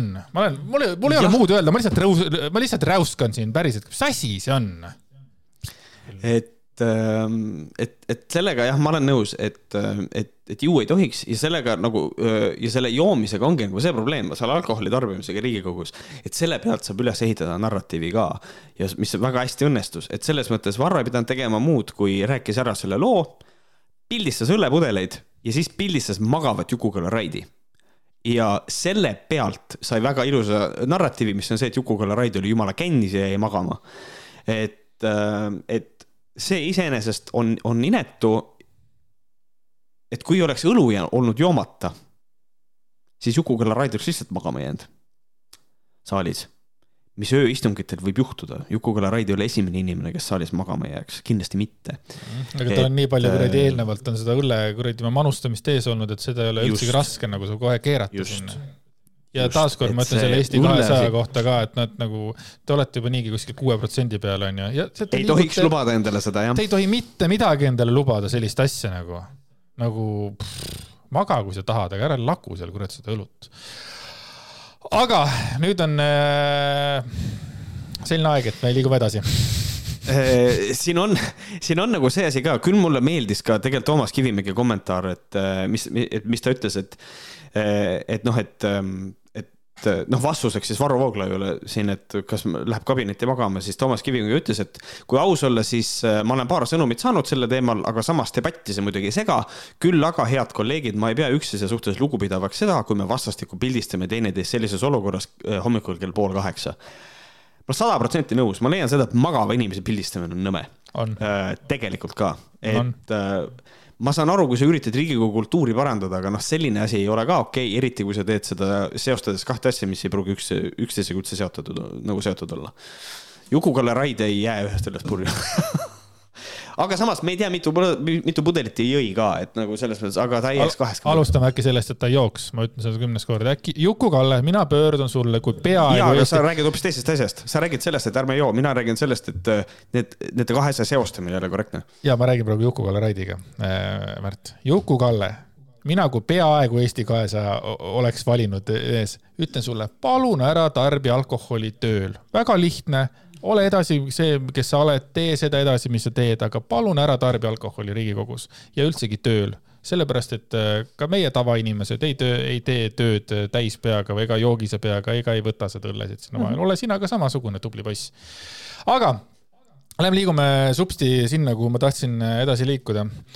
Äh, liigume näiteks Eesti Ekspressi juurde ja Kertu Enese äh, kirjutas siis seal nagu siis sellise mm, teksti, kolumni äh, või siis ütleme, pea, mis see õige, õige asi oli, peatoimetaja Veerg ta päris ei olnud, arvamus, noh, arvamus, arvamus on ka hea variant. ja seal äh, ta kirjutas niimoodi. õppekava seab füüsika omandamisele koolis üsna selged piirid. üldjuhul pole äh, seni olnud aktsepteeritav, kui õpetaja räägib kas tunnis või väljaspool seda, et maakera pole ümmargune, vaid hoopis lame. inimeseõpetuse õppekava seevastu on üldsõnalisem ja jätab selle õpetajale erinevate teemade, sealhulgas vaimse tervise, seksuaalhariduse tõlgendamiseks ja läbimiseks vabamad käed. see polekski justkui päris tund paljud koolid on sunnitud leige huvi tõttu selle ameti vastu võtma aine võt-, võtma aineõpetajana tööle erihariduseta inimesi, et seisaks keegigi klassi ees. laagrikool palka, palkas sel sügisel kirjandusõpetajaks EKRE liikmest pornokirjaniku Urmas Espenberg. Urmas Espenbergi direktori sõnul Espenbergist sobivamaid tahtjaid kohale lihtsalt polnud esoteerik Karmen Britson Tammest oleks äärepealt saanud Kiili gümnaasiumi inimeseõpetusõpetaja. kuula, mul tuli üks asi meelde, ma tegin väikse salvestusklipi, kuula nüüd üks äh,. Karmen Britson Tamme käis äh, külas Telegrami podcast'il, see ei ole seotud praegu Ertu Jänese artikliga, aga ma tahan korra lasta ja püüan nüüd kaasa tulla selle mõttega. okei okay?, oled valmis? Märt, oled sa valmis? eelmine aasta saime aru, kes me nagu oleme et kes mina olen, ma tahan olla see inimene, kes noh, ei vaktsineeri, kes ei usu kõike, mis tuleb igalt poolt, eks ole. ja nüüd, kui sa oled aru saanud, kes sa oled nagu sinul, eks ole, sa ütled, et ma usun ainult iseennast. sa ei saa uskuda iseennast, kui sa ei ole aru saanud, kes sa oled vot sellised suured, suured mõtted, suured mõtted, suured mõtted, et täiesti võtsis ma kuulasin, see oli, see ebareaalne, igatahes mina sain nii palju teada, Karmen Britson Tamme. Küll, mis, okei. Okay.. Karmen Britson Tamme sai eelmine aasta aru, kes ta on. Ja tead, kes ta on või? Ma olen inimene, kes ei, ma olen inimene, kes ei vaktsineeri ja ei usu kõike, mis kuskilt tuleb. just! Nii li,, nii lihtne on tegelikult, tegelikult saada inimesest aru ja mulle meeldib, kui inimene nagu suudab lihtsate sõnadega selgeks teha kes ta on? How do you define yourself? küsid Märdi käest, Märt hakkab mingisugust mingit, ma ei tea, mida ajama, filosoofilist mingit uga-puga, ei. Karmen Britson ütleb, mina olen see inimene, kes ei vaktsineeri ja ei usu mitte midagi, kust tuleb, mis kuskilt tuleb. mis, mis kuskilt tuleb, samal ajal usun absoluutselt kõike, mis tuleb nendest kanalitest, mis räägivad seda juttu, mis mulle sobib. jah aga temast oleks ääre pealt saanud Kiili gümnaasiumi inimeseõpetusõpetaja, kes seda ära unustab Nice. ja, äh, jätkame siis Kertu Enesega. Mm, äsja ülemaailmse vaimse tervise päeva puhul kutsus Pärnu Koidula gümnaasium oma kooli külalisesinejaks tuntud Eesti terapeudi Laura Valgu, kelle põhitegevus on äh, naiste enesearmastuse õpetaja, tupemassaaži terapeut ning Osho aktiivsete meditatsioonide juhendaja, motivatsioonikõneleja. väga loodan, et keegi ei tee talle pakkumist hakata inimeseõpetuse õpetajaks. Koidula gümnaasiumi, Koidula gümnaasium esineja sobivuses probleemi näinud, kuid vastutus lasub just haridusasutusel, mitte esinejal. põhikooli ja gümnaasiumi riikliku õppekava alusväärtustest tulenevalt peab kool looma õppetingimused, mis toetavad teaduspõhise maailmapildi kujunemist. Pole vahet, kas tegu on füüsikatunni, inimeseõpetuse või õpilaste ette toodud külalisesinejaga. kujutlen, et teismelise tütre emana, sulgudes mul on pojad, ja mind valdab õõv oletame, et mu tütar ei teadnud senini õnnekombel suurt midagi terapeudist, kes on välja arendanud täiesti enda meetodi, mille abil on võimalik terveneda nii lapsepõlvetraumasid, tervendada nii lapsepõlvetraumasid kui ka eelmistest eludest tulenevaid blokeeringuid. tänu terapeudi mahedale esinemisele koolis hakkab teda nüüd aga jälgima Instagramis, kus üks sagedasti läbikäiv sõnum on, et mees ei tohiks naisest vähem teenida, et mees on kuningas, perepea turvaline juht alistuvale naisele ning et suure osa naiste probleemidest lahendab jonimuna. kogu loo moraal on, et vaimse tervise teemasid ei saa käsitleda hoogtöö korras ja enne laste harimist oleks esmalt vaja harida koolitöötajaid tegelikult saab ka teisiti, osal lastel veab. Pelgulinna riigigümnaasium näiteks alustas äh, valikkursusega inimene seksuaalsus, sest koolidirektor leiab, et teaduspõhine seksuaalharidus on oluline. seda tundi aga annab seksoloog Kristina Pirk-Vellemaa. teisel semestril alustab samas koolis äh, valikaine, mis värk on selle vaimse tervisega, andmis kasvatuspsühholoog Merilin Mandel. siit teine moraalipunkt, teaduspõhine haridus ei tohi saada vedamise asjaks. see on õpetajate puuduse suurim oht see kõik oli, mis ma siin ette lugesin, oli, oli ettevalmistus selleks, et me hakkame Laura Valgu Facebooki postitust lugema. aga millest tekkis Laura Valgu Facebooki postitus? sellest, et Kertu Jänese mitte ainult ei kirjutanud arvamust, vaid ta tegi ka suure loo. tupemassaaži terapeut Laura Valk käis koolis lastele loengut pidamas. ja see ongi see, mida me nüüd hakkame äh, närima. Laura Valk, Hidit, kuueteistkümnes oktoober kaks tuhat kakskümmend kolm, enne, enne meie aja arvamust, meie aja arvamise järgi. nii, mida Laura ütles?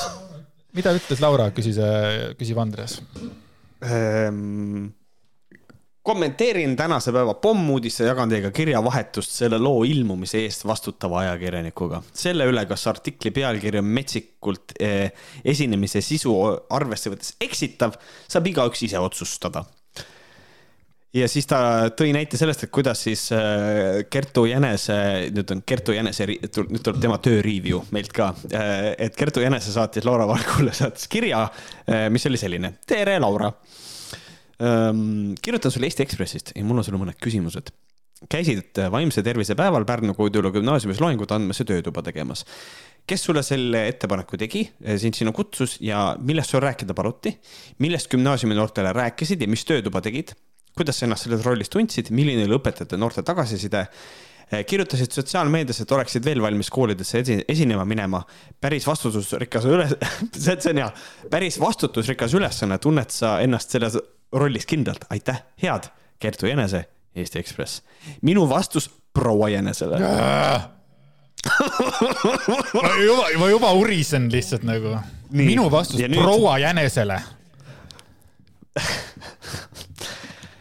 tere.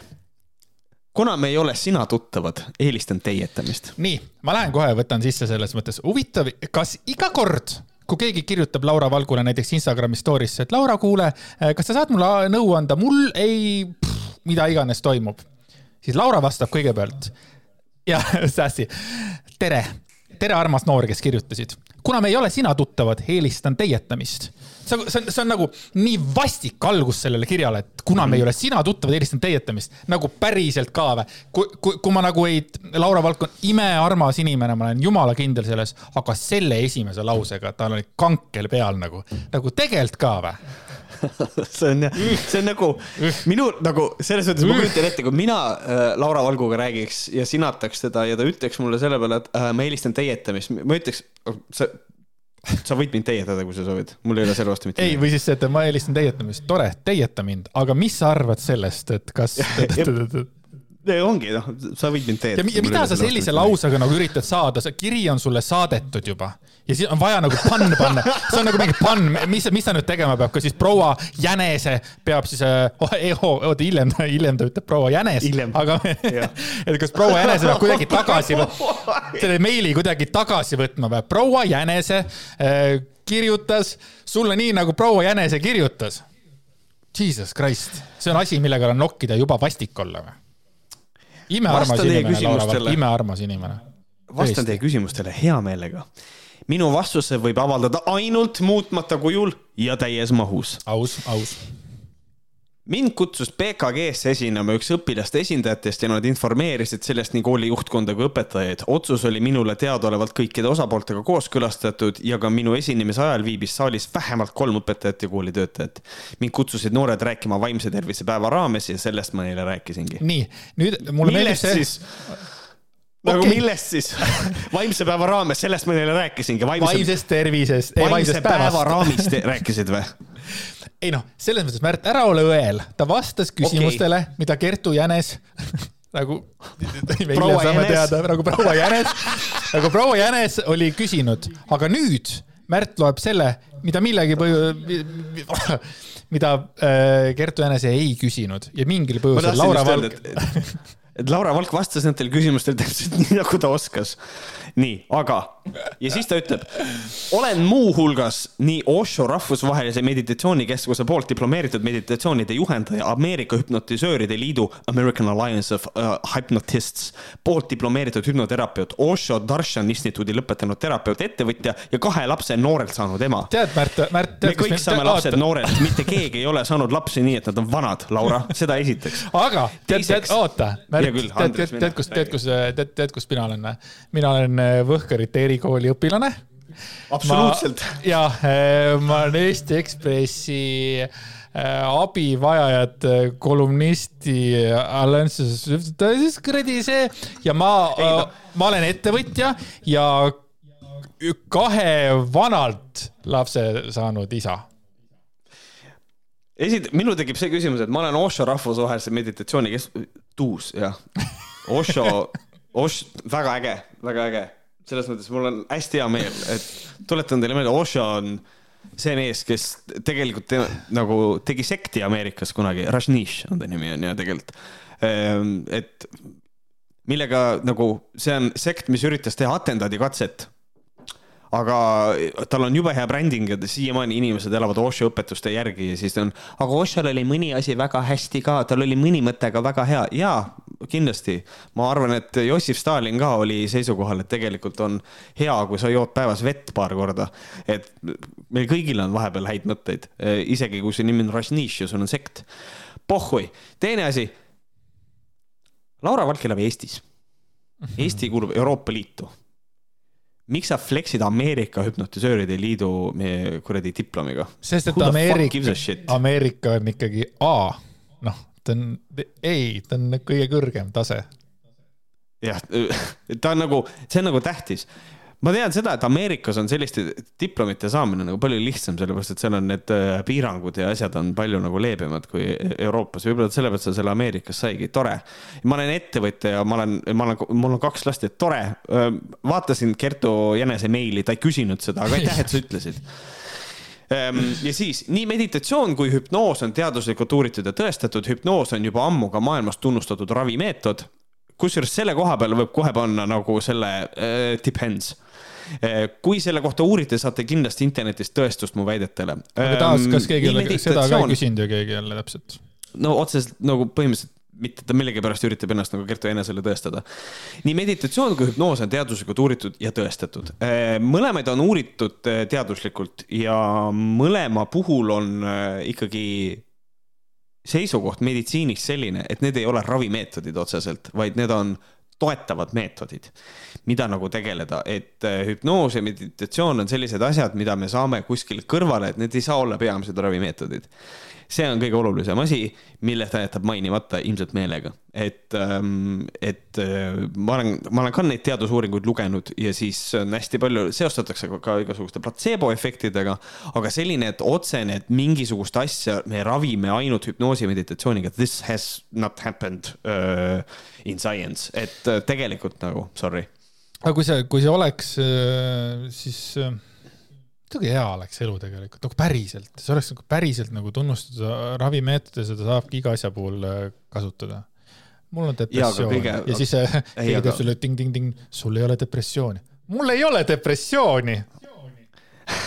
just, aga tegelikult siin on nagu see asi ka, et kui medit-, meditatsioon ja hüpnoos päriselt nagu noh, toimiksid ja neid kasutaks äh, nagu siis need oleks big pharma asi, mis on su aju ümberkodeerimine ja siis neid, nendest hoitakse, uhhuud hoiavad ju nendest eemale tegelikult. et see on minu niisugune hästi äh,, hästi tuumer seisukoht, et äh, kui me, kui teadus tõestab, et meditatsioon ja hüpnoos päriselt toimivad, siis uhhuud heidavad need ilmselt ka kõrvale kohe tead, peale selle, et sa oled, peale selle, et sa oled tuumer, sa oled ka geimer.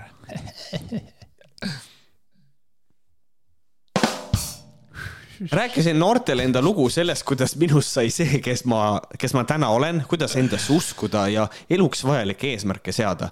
rääkisin lühidalt ka meditatsioonist, emotsionaalsest intelligentsusest ning inimlikuks jäämisest teiste õpilastega sotsiaalmeediaruumis ja nii edasi. praktilises osas viisin läbi lühikese ükste-, teineteise kuulamise praktika ja meditatsiooni, et noored endaga kontakti tuleksid aitäh huvi tundmast, kuidas ma ennast mikrofoni ees tundsin. väga hästi, sest rääkisin endast kui inimesest ja asjadest, mida olen vastavatel kursustel maailma tasemel õpetajate käe all õppinud. noortega suheldes hoidun paari suhte, seksi ja enda maailmavaadetega seonduvatest teemadest. ma ei ole rumal ega vastutustundetu et ma integreeri, intrigeerivatest ja lastele ebasobilikest teemadest koolis räägiksin. mis on lastele ebasobiv teema siis? Kas tupe no. jonni munad on ebasobiv või? ilmselt küll jah. No, selles nagu ei teadnud, mis nagu see on. isegi gümnaasiumiõpilastele sa ei võta kotist välja kivikest, nüüd palun vabandust kõikidele kuulajatele, kui teil on lapsed, siis äh, ärge laske neil kuulata minu järgnevat lauset. Laura Valk võtab mingi kotist mingi kivi veel, ütleb selle pistate endale putsi. et noh, vaevalt, et see nagu on koolis esinedes okei okay. et äh, et jah, ma, ma kujutan ette nii, kui see on, kui see vastab tõele, siis mul on nagu, mul on nagu hea meel, kuigi nagu seksist, kui me räägime gümnaasiumilastele, sest nagu gümnaasiumilapsed ikkagi veits võib-olla are touching places, et võib-olla iseenesest nagu, nagu võib, aga noh, see on kooli, kooli otsustada ka rohkem ilmselt. Um, olen käinud koolides, ülikoolides esinemas ka varem ning alati on minu esinemistega rahule jäädud. õpilaste ja koolitöötajate tagasiside oli esinemisele ka seekord väga positiivne. Eh, nii palju, et kui mulle, nii palju, kui mulle tagasisidet anti, ma usaldan siinkohal seada pedagooge ja nende hinnangut. ma ei ole, ma ei ole mitte kunagi käinud kuskil esinemas, kus mul oleks pärast huvijuht või keegi või direktor või keegi tulnud minu juurde öelnud, et jube halb oli et ma nagu esimeses pooles mõtlesin, et sa teed nalja, aga siis nagu tegelikult oli jube halb, et nagu ikkagi Märts oli pask. aga, kas, aga sa alati tulevad lipitsevad või? ei no, ei väga, väga hea, ei. või no see ei olnud lipitsemine, see oli pigem nagu, aga ei, väga hea oli Märt, tõesti oli hea.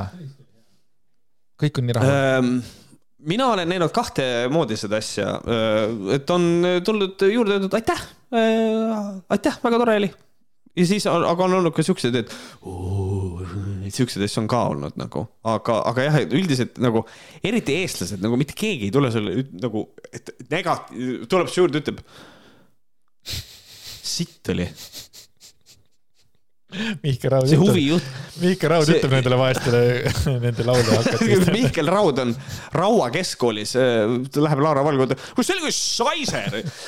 et nagu see huvijuhi selle asemel lahti reis Äh, et ma kujutan ette, et ma kujutan ette, et nagu siukseid asju ei juhtu, et aga, aga Laura, sa võid usaldada neid kõiki, usalda loomulikult.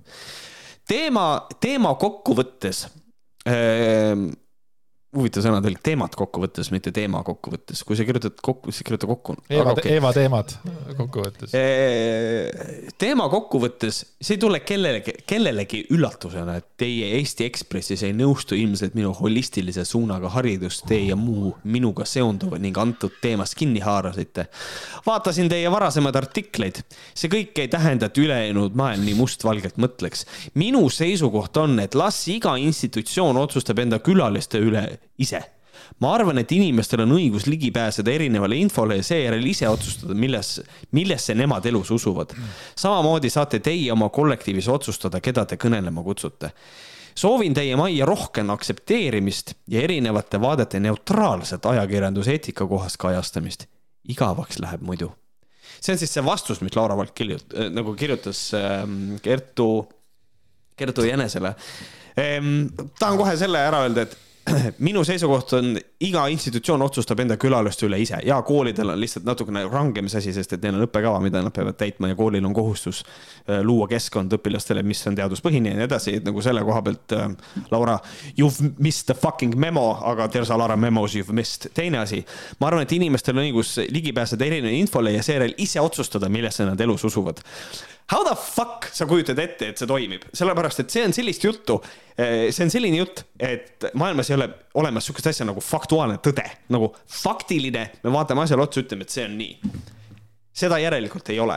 jah, kui me, kui me lähme siin iga, kui me hakkame rääkima siin filosoofiliselt, siis tõepoolest me võime öelda, et elu nagu mõnes mõttes ongi nagu selline, et inimesed näevad värve erinevalt, et, et see on pruun, ma näitan Andresele, ta ütleb, et see on tumeroheline, tegelikult me näeme neid asju erinevalt uh,. Sure aga kui meil on nagu hästi lihtne asi, on see, et äh, meil on nagu ajaloos kokku lepitud, meil on tõestusmaterjalid on olemas ja jara, jara, jara ja siis ütled, et ei, et tegelikult holokausti ei olnud.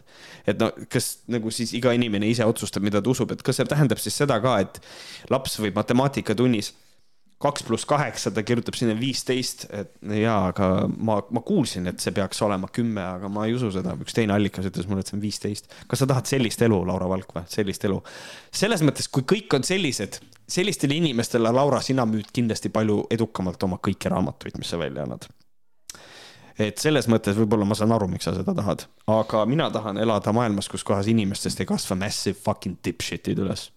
aga, aga mina tahaks ikka kiita Laurat, ta on ikka professionaal ta vaatas äh, Gert Vänese varasemaid artikleid ja see on asi, mille eest teda tegelikult tunnustada, sest ma eeldan, et tal on, tal on sel juhul Delfi, Delfi äh, see noh, maksumüüri taha saab piiluda näiteks ja aga, aga tegelikult. aga ta võiks ka lugeda neid, onju. just, ma tahtsin öelda, et aga järgmine kord kirjutad, ma lugesin, ma vaatasin. ei, vaatasid ei, ilusad artiklid on selles mõttes küll päris pikk on teine. aga huvitav, kuidas ta oleks, kuidas ta oleks, kuidas ta oleks Katariina Libele näiteks vastanud selles mõttes, kui Katariina Libe oleks läinud teist korda ja, ja tema, Katariina kirjutas ju sellest äh, Laura Valgust onju ja, ja siis ta sai hullu pasarahe. huvitav, kuidas ta siis ja. oleks rünnanud, et ma, ma, praegu tundus ta mulle siukene, et meie siin teie, teie siin teie, meie siin teietame, saad aru. siis ma ei tea, mis ta oleks kirjutanud sellele Katariina Libele, holy shit. ma ei kujuta ette aga nüüd lähme siis Laura postituse enda juurde, kus kohas ta kommenteerib siis äh, artiklit. nüüd siis ma tavaliselt proovin sisulist, sisulisest kommenteerimistest sellise vaimusünnitiste puhul hoiduda. mulle ka meeldib väga, et inimene ütleb, ma tavaliselt üritan sisulisest kommenteerimisest hoiduda. tõepoolest, see on väga intellektuaalse inimese käitumine, kui sa ei kommenteeri asju sisuliselt. tõepoolest, me kõik tahame elada maailmas, kus kohas keegi sisu ei kommenteeri, how fucking childish is this, see on crazy. aga kuna tegemist on kooli õpetajatega, kes on nüüd suure pahameele osaliseks sotsiaalmeedias artikli pealkirja, mitte sündmuste tõttu saanud, ei saa vait olla. artikli teksti kahjuks jagada ei saa, ei soovi Eesti Ekspressi poolt kohtukutset saada. esiteks, kõigepealt tuleb nõudekiri, you people should know, sellepärast et kõik esindab minu arust üks ja seesama advokaadifirma niikuinii. aga olgu, teine asi kuidas, how the fuck, ma ei äh, nagu how, ma ei, aidake. et kool ja õpetajad on pahameele osaliseks mitte sündmuse tõttu, aga artikli pealkirja. artikli pealkiri eksisteerib sellepärast, et tupemassaaži koolitaja käis koolis loengut andmas. nagu, kui ma ütlen ausalt, ma olen täiesti jahmunud, et nagu ma nagu saan umbes aru, millele ta viitab, ta viitab sellele, et rõhutati seda, et ta on tupemassaaži koolitaja, siis inimesed arvavad, et ta tegi tupemassaaži koolitust koolis, aga aga see pealkiri ei valetanud, sa oled tupemassaaži nagu koolitaja, sa oled jah või ei, kas vastus on ja või ei, jaa. kas sa käisid koolis loengut pidamas, ja või ei, jaa. me võime natukene kritiseerida küll, et jah, me võime öelda, et Äh, terapeut, võib-olla oleks saanud pealkirjastada paremini. ja, aga clickbait on ka vaja teha, noh, veits, noh. aga, aga, aga selles mõttes, Laura, kallikene, me nagu päriselt ka, inimesed ei ole pahased pealkirja peale, inimesed üldiselt on pahased ikkagi selle peale, et käis inimene, kellel ei ole, noh, kes tegelikult tegeleb nagu soola selle, sa ise nimetad seda siin holistiliseks, holistilised ravimeetodid. holistiline ravimeetod ja soola puhumine on suht nagu sünonüümsed asjad tegelikult, aga sure. et selles mõttes, et ikkagi ja, ja, ja mulle meeldib, ta jõuab selleni ka, et, et tegelikult, et noh, ta luges kommentaare kommentaarides ei ole väga intellektuaalsed inimesed, ära selle järgi küll nüüd midagi nagu välja loe, et loe kuskil nagu siuksed muid sõnavõtte. aga näiteks. ma mäletan, ei, tead, talle meeldib lugeda kommentaare, sest ma siiamaani mäletan väga hästi, see oli minu ja Laura Valgu ikkagi nagu imeline hetk, kui Kersti Kracht kommenteeris minu artiklit äh, nais- ja meesenergiatest, vaata halvasti, vaata, kirjutas, et äh, sportlased olid trennis või midagi taolist, siis Laura Valk seda oli ka like inud, seda kommentaari, nii et ta on kommentaaridest, äh, tema jaoks võib-olla kommentaarides on tõde ja sa sa võid selle peale mõelda tegelikult, Märt. See on võib-olla valusam, kui see kommentaar on valusam, kui see proua Jänese tehtud artikkel. aga vaimusunnitist, vaimusünnitiseks seda äh, kutsuda on ka nagu veits minu arust nagu inetu ja siis, et nagu, kas seal oli mingisugust valet siis või? kas seal on vale? kas Laura No Valk tema- ei ole tupemassaažide koolitaja? Ei no päriselt, kas ta ei ole? ta, ta nagu tegelikult hästi palju toetubki sellele, et lihtsalt asi oli pealkirjas ja kõike seda. aga äh, ta kirjutab edasi, minu jaoks on ääretult kurvastav ja häiriv, et ajakirjandusmaastikul on normaalne süstemaatiliselt ajakirjanikele endile mittemeeldivaid persoone kiusata.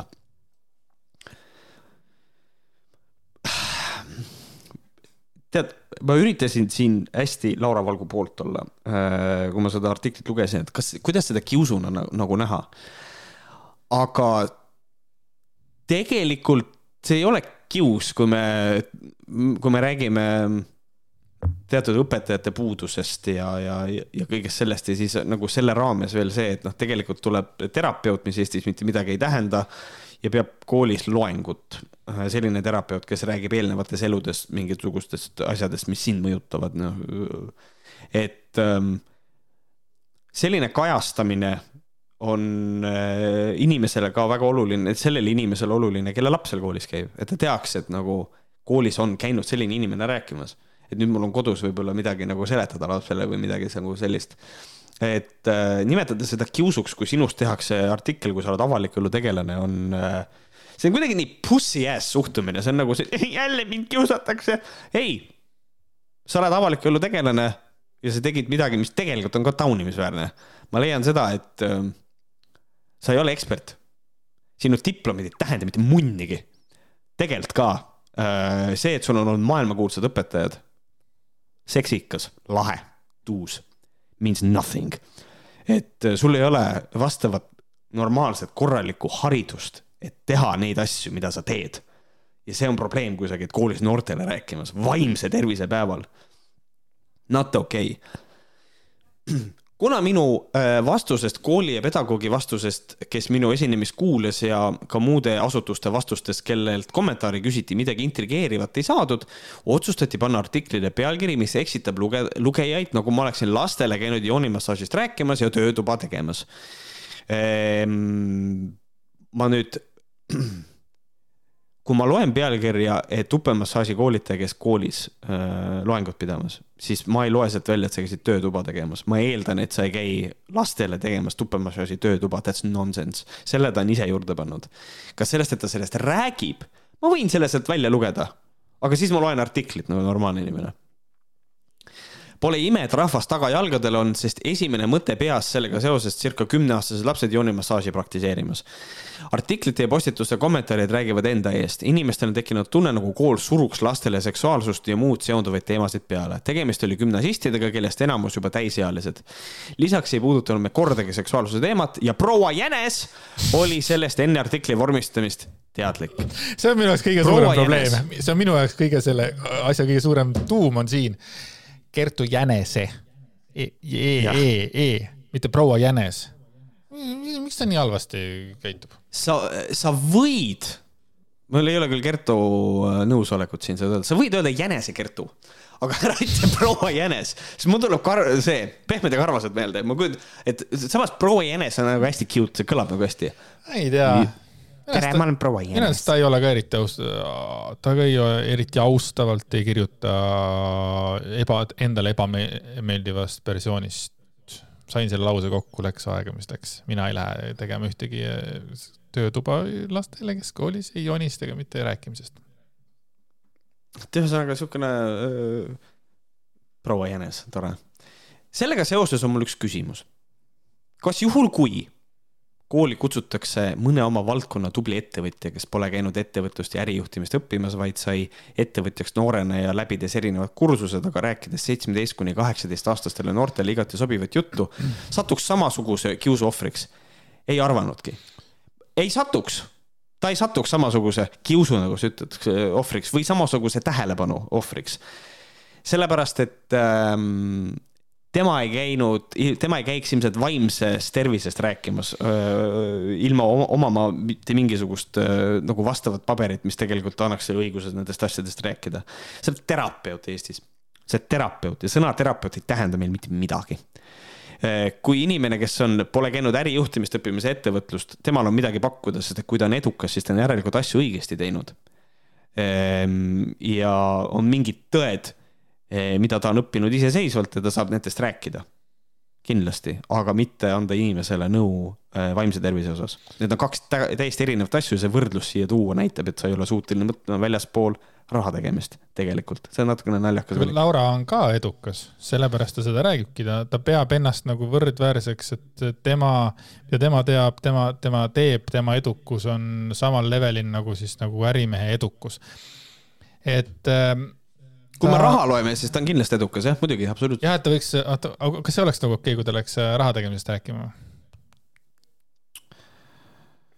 kui ta aus on, siis oleks jah kui ta räägib, et. aga ma kardan, et ta ei oleks aus. jah, et äh, mul on need, aga, aga siin ongi nagu see, Laura vist ise arvab, et, et kõik, mis ta teeb, ongi õige, aga noh, tegelikult ongi nagu see, et noh, sisuliselt äh, tegeleb ju mingisuguse soola puhumisega, ma ei ütle seda, et ta ei, ta kindlasti ütleb mingeid asju, mis on noh, noh nagu ikka, et, et noh, katkine kell on kaks korda päevas õige.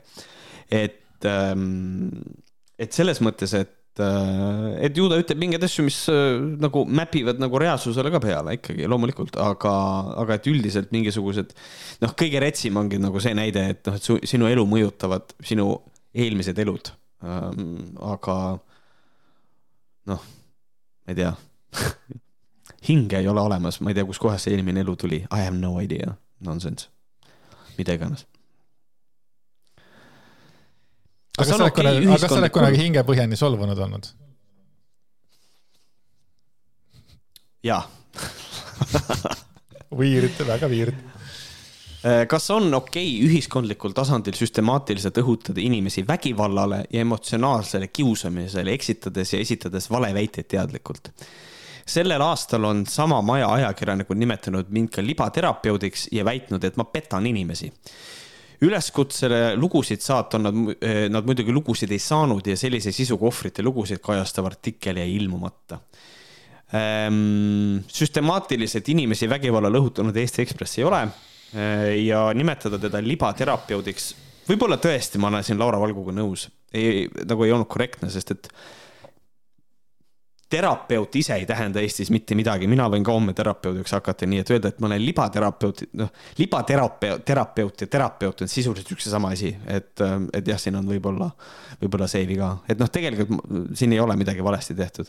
väitnud, et ma petan inimesi, no sorry. Mm.. ei, äge. Mm,. siis äh, tervitused siis proua Jänesele ja, ja Laura Valgule ja saate oma asjad korda äh,? proua Valk ja proua Jänes äh, kõndisid paari et äh, jah, tervitused kõigile, pange hullu, Laura Valk niikuinii selles mõttes, tal ei ole vahet, selles mõttes ta teenib oma raha edasi samamoodi, et tal on inimesi, kes ta on oma konksu otsa saanud ja, ja et selles mõttes vahet ei ole um,. Mm -hmm. um, on olemas veel selline tegelane nagu, kelle nimi on Merliis Sulg ja tema on ka seotud tegelikult äh, Joniga, tema ongi seesama naine, kes selle vahva happening'i tegi koos Veronique Secretaire-ga, äh, kes kirjutas äh, suure tõenäosusega selle teksti, kus tuleb lapata enda lahkliha nagu raamatukogu. Ja Meris Sulg käis Kris Kala podcast'is külas ja ta rääkis, ei, selles mõttes, et ära ole niimoodi, ma lihtsalt tahan nagu jagada ühte klippi sellest, eh, mida tema oma seanssidel teeb. lihtsalt eh, kuulake seda võimast eh, kraami. aga mina teen lisaks naistega tööle teen väga palju sellist teraapiat nagu kraniosakraalteraapia mm. -hmm. see on nagu minu armastus viimased, ma ei tea, kuus-seitse aastat ja see on nagu selline mingi maagiline teraapia, mida ma nagu totaalselt armastan teha, et mulle nii meeldib seda teha, ma saan sellest ise nii palju, inimesed saavad sellest palju ja seal juhtuvad nagu sellised asjad, mis äh, ei ole nagu juhitavad mõistusega, sest seal me lihtsalt usaldame seda ruumi ja keha sisemist tarkust, et mina lihtsalt hoian käsi peal, hoian ruumi äh, ja teen veel mingeid asju Äh, ja iseenesest inimese sees toimuvad asjad, lahtilaskmised, avanemised, ärkamised, liikumised ja, ja see teeb olemise hästi kergeks et seal me ei tegele väga palju mingisuguse mentaalse poolega või analüüsimisega, vaid me laseme sellel keha sisemisel tarkusel teha oma tööd. ja on huvitav näha, et kui kehas läheb kergemaks või, või need jõud, mis seal liiguvad, need äh, äh lained ja jõud, et äh, kui need lähevad tugevamaks, siis läheb ka nagu see sisemine power tugevamaks, segadus kaob ära, mõtted kaovad ära uh eh,. miks ma lasin selle klipi ette, ma lasin selle klipi ette ära teile sellepärast, et te kuuleksite, mida tehakse tegelikult äh, teraapias ja. kraniosakraalteraapia. ta lihtsalt äh, rääkis mitte midagi hästi sellise sensuaal-, sensuaal-, hästi sihuke rahuliku ja rahustava häälega ja ta ütles ka, ta paneb lihtsalt käe peale ja ta hoiab ruumi ja keha terveneb iseenesest. holistiline, holi-, holistiline lähenemine. vaimas oli. et eh, väga niimoodi, niimoodi teeni-, niimoodi teenitakse raha. kui keegi tahab teraapiat saada, siis eh, ma võin ka panna. kraniosakraalteraapia, see ei ole nii raske, Andres tegelikult ma tean, et see on kraniosakraalteraapia, aga ma tahtsin öelda teraapia, sest et eh, see tähendab mulle täpselt sama palju kohutav, aga äh, tal on vahepeal Facebookis ka asju ajanud ja siis ta kirjutas sellise postituse, et äh, viimasel ajal on minu kraniosakraalteraapia abil olnud võimalik toetada palju rasedaid ja beebisid ähm,. Ja see on nii ilus kogemus olnud, ühele beebile sain isegi siia maailma tulemise ruumi hoida, vau, nii ilus. Esimene mõte, kuidas seda ruumi hoidis siin? Mulle meeldib, et ruumi hoidmine, minu, mulle meeldib, kui mina siin, siin see ruumi hoidmine, mina kujutan seda ette niimoodi, et et see on, et see on nagu sellises klassikalises mõttes, et sa hoiad ruumi, et see on booking on tehtud ruumile ja siis sa lähed hoiad seda ruumi, ei, me hoiame seda ruumi praegu siin inimesele ja siis kuskil sünnib mingi beebi ja siis kuskil on Merliis ja hoiab ühte ruumi, mingi black box'i, Viljandi Kultuuriakadeemia black box on kinni pandud ühele beebile. Siis ta lihtsalt hoiab seda kinni seal ja me hoiame seda praegu siin ühe beebi jaoks. nii, ühele beebile sain isegi siia maailma tulemise ruumi hoida nii et hõikan siin välja, et olen valmis rasedate ja beebidega tööd tegema. raseduse ajal on tugevam sekkumine mitte nii soovitatav ja samas toimub kehas palju füüsilisi ja energeetilisi protsessi, mis vajaks toetust. ka raseduse lõpupoole pingeid ja raskust kehas, mida kraniosakraalteraapia abil vabastada saab. enne sünnitust saab ka vaagnas nii-öelda ruumi luua sujuvamaks sünnituseks lihtsalt nii palju head ja toetavat on selles meetodis rasedate ja beebide jaoks ning soovin, et see info jõuaks just nendeni, kellel seda vaja on. armastus, kohalolu ja õrn puudutus on vahel just need, mis pingelistes olukordades või stressisituatsioonis aitaks rahu ja tervenemist tuua. tervenemine on alati kättesaadav labake oma lahkleha ja jälle ma tahan öelda seda, et meil on üks äh, terapeut või mis iganes ta ei ole ja ta räägib, ta paneb sõnad üksteise järjekorda, mis ei tähenda mitte midagi. kujuta, see on hästi loogiline selles mõttes, et meie kehas toimub äh, palju füüsilisi ja energeetilisi protsesse, mis vajaks äh, toetust. missuguseid? räägi laiemalt, räägi lah-, räägi lahti, räägi meie, mis iganes, räägi lahti see, aga vaata, ta kasutab lihtsalt palju füüsilisi energeetilisi asju. Vau, rahvas võtab, vau, oh my god, ta on nii tark. ja siis on järgmine asi äh,. kuidas see oli? Enne sünnitust saab ka vaagnas nii-öelda ruumi luua sujuvamaks sünnituseks. mis asi see on? mis asi see on? tuleb, lööb äh, vaagna suuremaks, ei olegi midagi. ja siis ta ise, ise ütleb, et raseduse ajal on tugevam sekkumine mitte nii soovitatav ja siis ta ütleb samal ajal siin niimoodi, et äh, lihtsalt nii palju head ja toetavat on selles meetodis rasedate ja beebide jaoks. kas sa ei suuda nagu kolm lauset tagasi ka nagu oli sul seal, et see on, see ei ole nagu okei okay.? Äh, vaatasin ta hinnakirja ka, et äh, kraniosakraalteraapia maksab äh, kuuskümmend viis kuni üheksakümmend eurot. Ähm, ja siis mulle meeldib see ka vaikuse matk mulle meeldib see, et vaikuse matk maksab seitseteist euri inimese, nagu seitseteist euri nägu. kui see on see, mis see nimi ütleb, siis maksad seitseteist euri, et lihtsalt vaikuses jalutada, see on, see on lahe et, et, et tore. hinnad on odavamad, ma ootasin ikka siuksed, tänapäeval ikkagi küsitakse ikka üle saja euro, et siin ilmselt mina leian, et siin on võib-olla suurem tüli võib-olla tulemas netil sellel, ma ei tea, mis ta siis on, terapeut või? I, have no idea.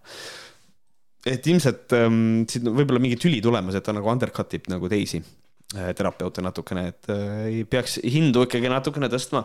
siin on, teised on kallimad. Ei, rets, tegelikult ka nagu terve, ma ütlen kümnes kord, et lihtsalt pandud järjekorda sõnad, mis ei tähenda mitte midagi. ja see on nii vastik mu jaoks. Jah, aga tead, aga see on kurat, äh, see on hea oskus, kui inimene suudab äh, pikalt äh,, pikalt rääkida ja mitte midagi öelda, et, et ja see muudabki sellised näiteks kellel on huvi vaadata sektide äh, mingisuguseid dokfilme, siis vaadake, milliseid sügavamõttelisi vastuseid annavad mõned sektijuhid äh, küsimustele, mida küsivad nende järgijad ja ma soovitan pikkade monoloogide järel alati teha ühte asja. paned paus mõtle, mis ta ütles, mis asi see oli, mis ta ütles ja kuula uuesti. meil on nutiajastul see võimalus, me saame tagasi kerida lihtsamini ja vaadata. et äh, väga palju on seda, et ähm, peaasi on rääkida usutaval toonil rahulikult ja, ja that's all you need to do. et äh, Andresel on selles mõttes, Andrese kriitika on tegelikult ikkagi päris hea, et äh, kui minu käest küsida, et noh, mida ta ütles, siis mida ta ütles, on see, et ta paneb käed peale ja siis inimese keha ravin, ravitseb ise ja siis ta rääkis pikalt sellest, kui lahe ja mõnus see kõik on. et noh, ta tegelikult kiitis oma seda asja, mida ta ja teeb. inimene ei saa arugi, mis parasjagu toimub, sest tead miks või, seepärast, et mitte midagi ei toimunudki, aga inimene tunneb ja, ennast hästi, sest ta oli seal pikali ja sa hoidsid käsi peal ja ta uskus seda mm. -hmm. rets, rets, rets aga ma usun, et Merlis, sul sulgist sulest me kuuleme veel, et ma hoian, hoian näppu pulsil, et äh, see on tema teine sisenemine tegelikult meie saatesse ja,. jah, jah teine, teine sisenemine. Andresele tulevad varsti külalised, ma näen, selja taga kass peseb silmi. et, äh, et varsti tulevad külalised. sa, sa usud seda, jah? kas sa ka... äh, ei usu, loomulikult. siis kui kaapel kukub maha, siis tulevad ka külalised ja. ja, ja see on kunagi kunagi pesin nõusid ja siis mul kukkus äh, terve see kuradi noh, nõudepesu masin, see, kus noad ja kahvlid käivad sees, see kukkus mul põrandale ja siis oli vaja retriit korraldada. Lihtsalt. Niimoodi. retriit, aga retri, korralik retriitimine toimus ka homopaatia.ee grupis ja seal anonüümne osaleja kirjutas sellise teksti viiekuune beebi rinnapiimal, pidevad gaasivalud, ükski apteegirohi ei toimi, teeb hullemaks. teisipäeval tekkis kõhulahtisuse, limane roheline kaka. nutab valjusti, vahel lööb vibusse, mullitab ja mulksub kõhus. vaktsiini ei ole saanud, ise midagi sellist pole söönud, mis võiks rohelist kakat põhjustada. toit juba endal nii minimaalseks tõmmatud. andsin pool ardiid kaks päeva, värv hakkab tasapisi paremaks minema, kuid kõhuvalud on tugevad. massaaži teen, võimlemine ja nii edasi. varem sai kummelitera, kunagi toimis, nüüd juba pikka aega mitte. kuidas aidata? Et eh, homöopaatia toimub, ikka, ikka, ikka toimivad need vahvad grupid ja vastik, muud ei midagi. vastik jah. Siin viiekuune beebi hmm.. nojah, loodan, et, loodan, et keegi andis head abi ka selles mõttes mitte no., mitte ainult sippa. jah, aga äh, täiesti viimaseks teemaks võiks äh, Katrin Lukase äh, vahva pööripäeva ettevalmistuse ikkagi korraks läbi võtta, sest et äh, muidu saab see aeg täielikult läbi, et see tegelikult toimus juba kolmteist äh, kuni neliteist oktoober ja seal ähm, siis Katrin Lukas reklaamib seda niimoodi. rääkisin Ava oma silmad seminaril, et meil on tulemas inimeste pööripäev selle ajaga jõuaks süsteem aga väga palju hävingut külvata ja käiku lasta sellised plaanid, mis võimaldaksid neil järgmised seitse, seitse aastat veel segamatult tegutseda. meie pööripäev on aga hiljem, et saaksime nende loodu üle kirjutada. on siiamaani kõik arusaadav, Märt? Palun räägi veel, kõik on, kõik on super. selge nagu seebivesi läbi meie DNA on meil olemas ühendus emakese maa teadvusega ja kui uinunud DNA hakkab inimestel aktiveeruma, siis on võimalus hakata saama infot maalt endalt. Oota, praegune päike on vale päike. Mis ei ole täiesti tasa, mis on täiesti elus, vaid on tegelikult kunstvalgus. Sellepärast on kusjuures, sorry, sorry, sorry, oota, praegune päike ei ole päris päike või ei ole, ei ole õige päike, okei okay.. Margit Korbe would love to have a word. et nagu ähm,, Katrin, what the fuck, see on mu elutöö, mida ma teen Postimehes. et äh, mis mõttes see ei ole päris päike? et äh, ma tahaks näha nende puurivõitlust. selle üle, et kas päike on päris või mitte. Korve versus Lukas äh,. Sellepärast on ka kogu loodus meil poolsurnud ja läbi selle hoitakse surmakultuse energiat maal. maal paistab praegu must päike ehk Saturnilt äh,, Saturnilt peegeldatakse energiat siia meie maale. seal on üks aasta meie seitse aastat ehk meie valeenergia signatuur. vabandust, kohe hetkel. Nüüd lähme korraks ajas tagasi. ChatGPT. Lähme ajas tagasi. meie ülesanne on teisel oktoobril või kaksteist oktoobril teha järgmist rituaali, et taastada maa ja inimkonna õige energiasignatuur. kõige parem on minna oma koduaeda, aga võib ka metsas või rannas. tähendab, kõige parem on minna, aga tee kust, kust kurat tahad, tee või vaiba peal, kui tahad. aga tee seda rituaali täpselt samal kohas kõik, kõik päevad kolmteist oktoober on viimane rituaalipäev, sest kolmteist ja reede on tegelikult väga võimas päev. süsteemi poolt maha tehtud, aga tegelikult on see meie maalaste jaoks õnnepäev. seega esimesed päevad alates teisest oktoobrist kuni kaheteistkümnenda oktoobrini kõnni oma aeda või mujale loodusesse kaks ringi. kõigepealt kõnni päripäeva kuus ringi, iga ringi kõnni maasse maha kuus programmi, mida me endas kanname. meie DNA pooled keerud ikkagi puudusteadvus ja võim ehk orjandus, sõda, vale, haigus, valu, eraldatus, üksindus. kas sul on äh, küsimusi? ei, aga mul on tähelepanek, et ma tean seda, kui ma näen, et mul naaber jalutab äh, aias ringi ratast, siis mul on, siis on, they are crazy. või, mis tunne on olla Katrin Lukase naaber, lihtsalt lähed magama, vaatad üksipäini ihualasti öösel, käib mingit ringi, huugab, huugab, huugab, huugab, ma ei kujuta ette. kui need kuus ringi on kõnnitud, siis kõnni vastupäeva ehk lae peal uued, lae, lae peal uued programmid. maa tegelikku pöörlemine on vastupäeva, aga vale päike paneb ta vales suunas pöörlemise lõksu. nüüd kõnnib jälle kuut uut programmi, mis on meie algsed õied, õiged programmid. nii kirjutan oma kuus DNA haru üle, sest praegu kannab ta õigeid ja valesid programme ja siis on segadus DNA pean kandma ainult ühte sammu programmi, küllus ja vabadus, rahu, tõde, tervis, armastus, kooslus ja üksi olemine. teine tinge siis teisest kuni kaheteistkümnenda oktoobrini. kümme päeva käide, keerlen, pöörlen, pärast tuleb mind kätel kanda, sest et mul on pea käib nii hullult ringi väga palju suuri asju on veel tulemas, aga nendest kirjutan oktoobri teises pooles, sest praegu on meie tähelepanu vaja suunata üksnes loomisprotsessile koos maaga. miks nad ei, miks ei võiks kuu kirjutada, lihtsalt see oleks, see oleks nii aus, ma respekteeriks veel rohkem. väga palju suuri asju on veel tulemas, aga nendest kirjutan ma oktoobri teises pooles, sest ma pean praegu sitale minema. miks? see oleks nii aus, ma ikkagi nagu respekteeriks seda veel rohkem. Ära hakka ajama, oh, mul on, mul on vaja tähelepanu suunata sinna, ütled. see on nagu George Carlin ütles. If you need to take a shit, say so. ma ei tea maad muide ei saa osta ega müüa. inimene läheb, valib endale välja maalapi ja teebki sinna energiasignatuuri. Sorry, ma ei lase sul lugeda. How the fuck does it work? inimene kirjutab, et oled oma aias ja käid ringi ratas kuus niipidi, teistpidi, siis täiesti lambist. Maad muide ei saa müüa. okei. okei. kuidas, davai, maad ei saa, nii, maad ei saa osta ega müüa, seleta siis, kuidas see tegelikult käib. ma ütlen uuesti, inimene valib, läheb ja valib endale välja maalapi ja teebki sinna oma energiasignatuuri ja siis maa kannab kogu aeg seda inimest. lisaks, Okay. muidu kukub läbi, davai, saan ole aru nüüd, ole nüüd kuulanud, lisaks tuleks praegu käia pissil kõik need päevad vähemalt ühe korra hommikul õues.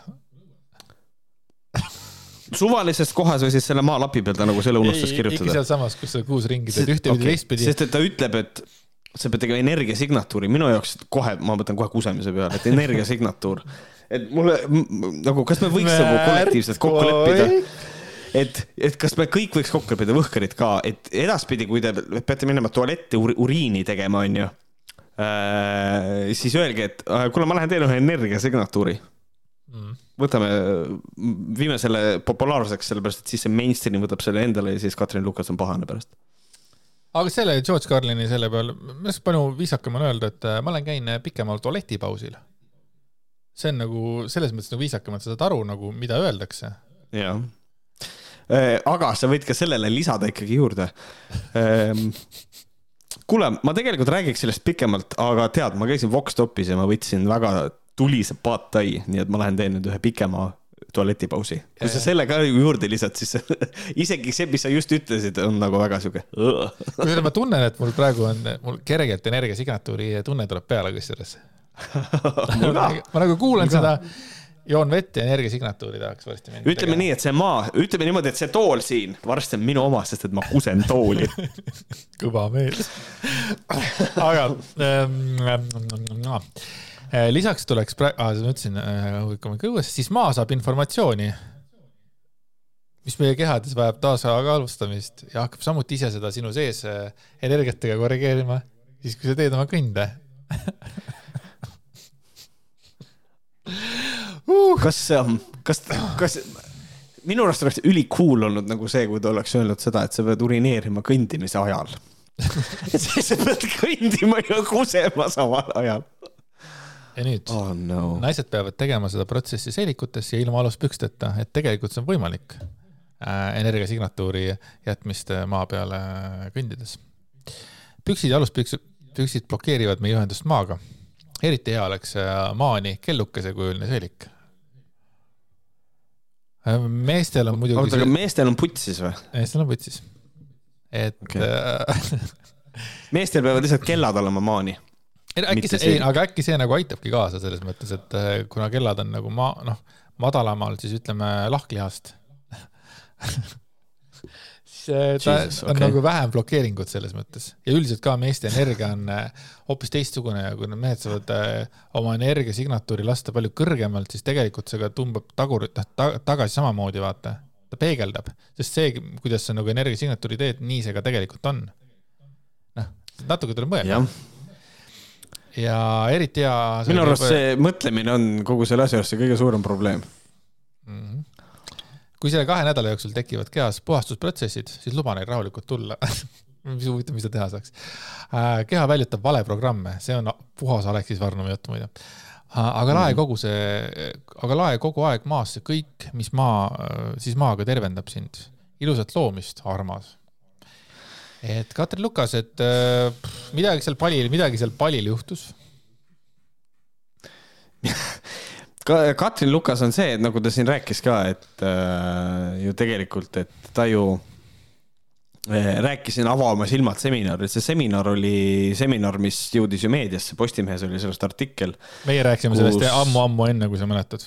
jep, jep, et äh, käis ajakirjanik koha peal ja tõepoolest siis räägiti seal sellest, et Hitler tegelikult tahtis juute hoida hoopis ja, ja et ühesõnaga me oleme totaalselt kaotanud või noh, Katrin Lukas on kaotanud äh, reaalsusega igasuguse kooskõla ja, ja, ja ühenduse, et äh, see asi on ikka täiesti hull, et ma mäletan seda, kui ma tegin seda Covidiootide esime-, esimest videot, ma räägin, nagu ma oleks neid mitu teinud, siis ähm,, siis seal noh, siis ma tundsin teda kui Jaja Shivani Kraft Kraft, Kraht, vabandust.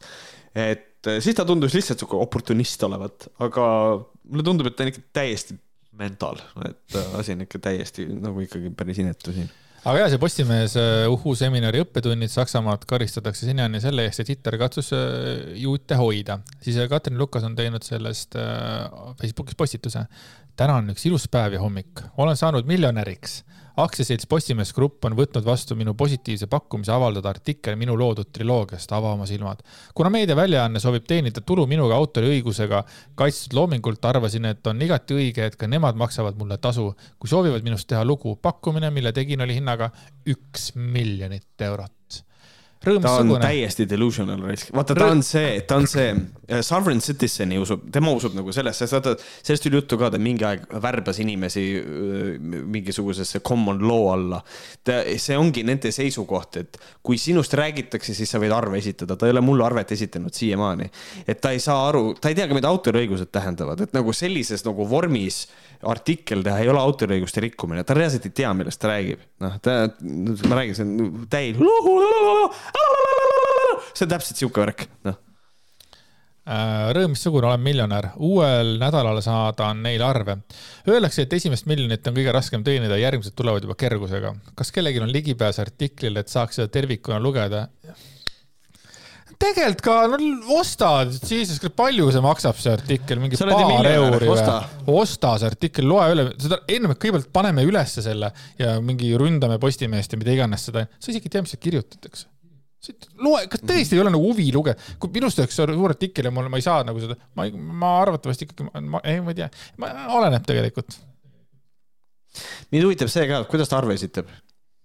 mm,. kuidas ikka arvestatakse ette, no selles mõttes arve, arveid esitab ettevõte, avasilmad.ee et kas tal on ettevõte, mis esitab arve või kas ta esitab mingi eraisiku arve, sellepärast ma, ma just nimelt mõtlen, et kui sa oled sovereign citizen, siis sinu probleemiks on ju see, et äh, sa peaksid ennast ise esindama, mis tähendab seda, et sa ettevõtte alt ei oleks ju normaalne äh, arvet esitada. peaks seda tegema, mingi eraisiku arve variant vist peaks eksisteerima, aga üldiselt eraisik ei esita arveid. Et kuidas see arve käib, kas see on nagu üks inimene, kes pidi sulle ka arve esitama, aga ei, lõpuks ei esitanud, et täpselt sihuke vibe, et noh, et millest me räägime? arv, esitan arve palun kanna raha üle, mm. -hmm. et palun kanna mu arvele, nagu see ei ole arve, arve on dokument, päris juriidiline dokument.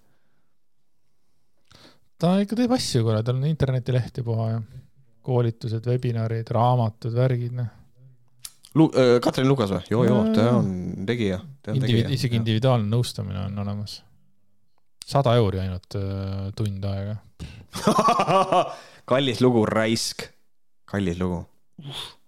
no tegelikult siin on kirjas, et palun arv-, aa, oot-oot-oot, minu nõustamise tunnihind on sada euri tund.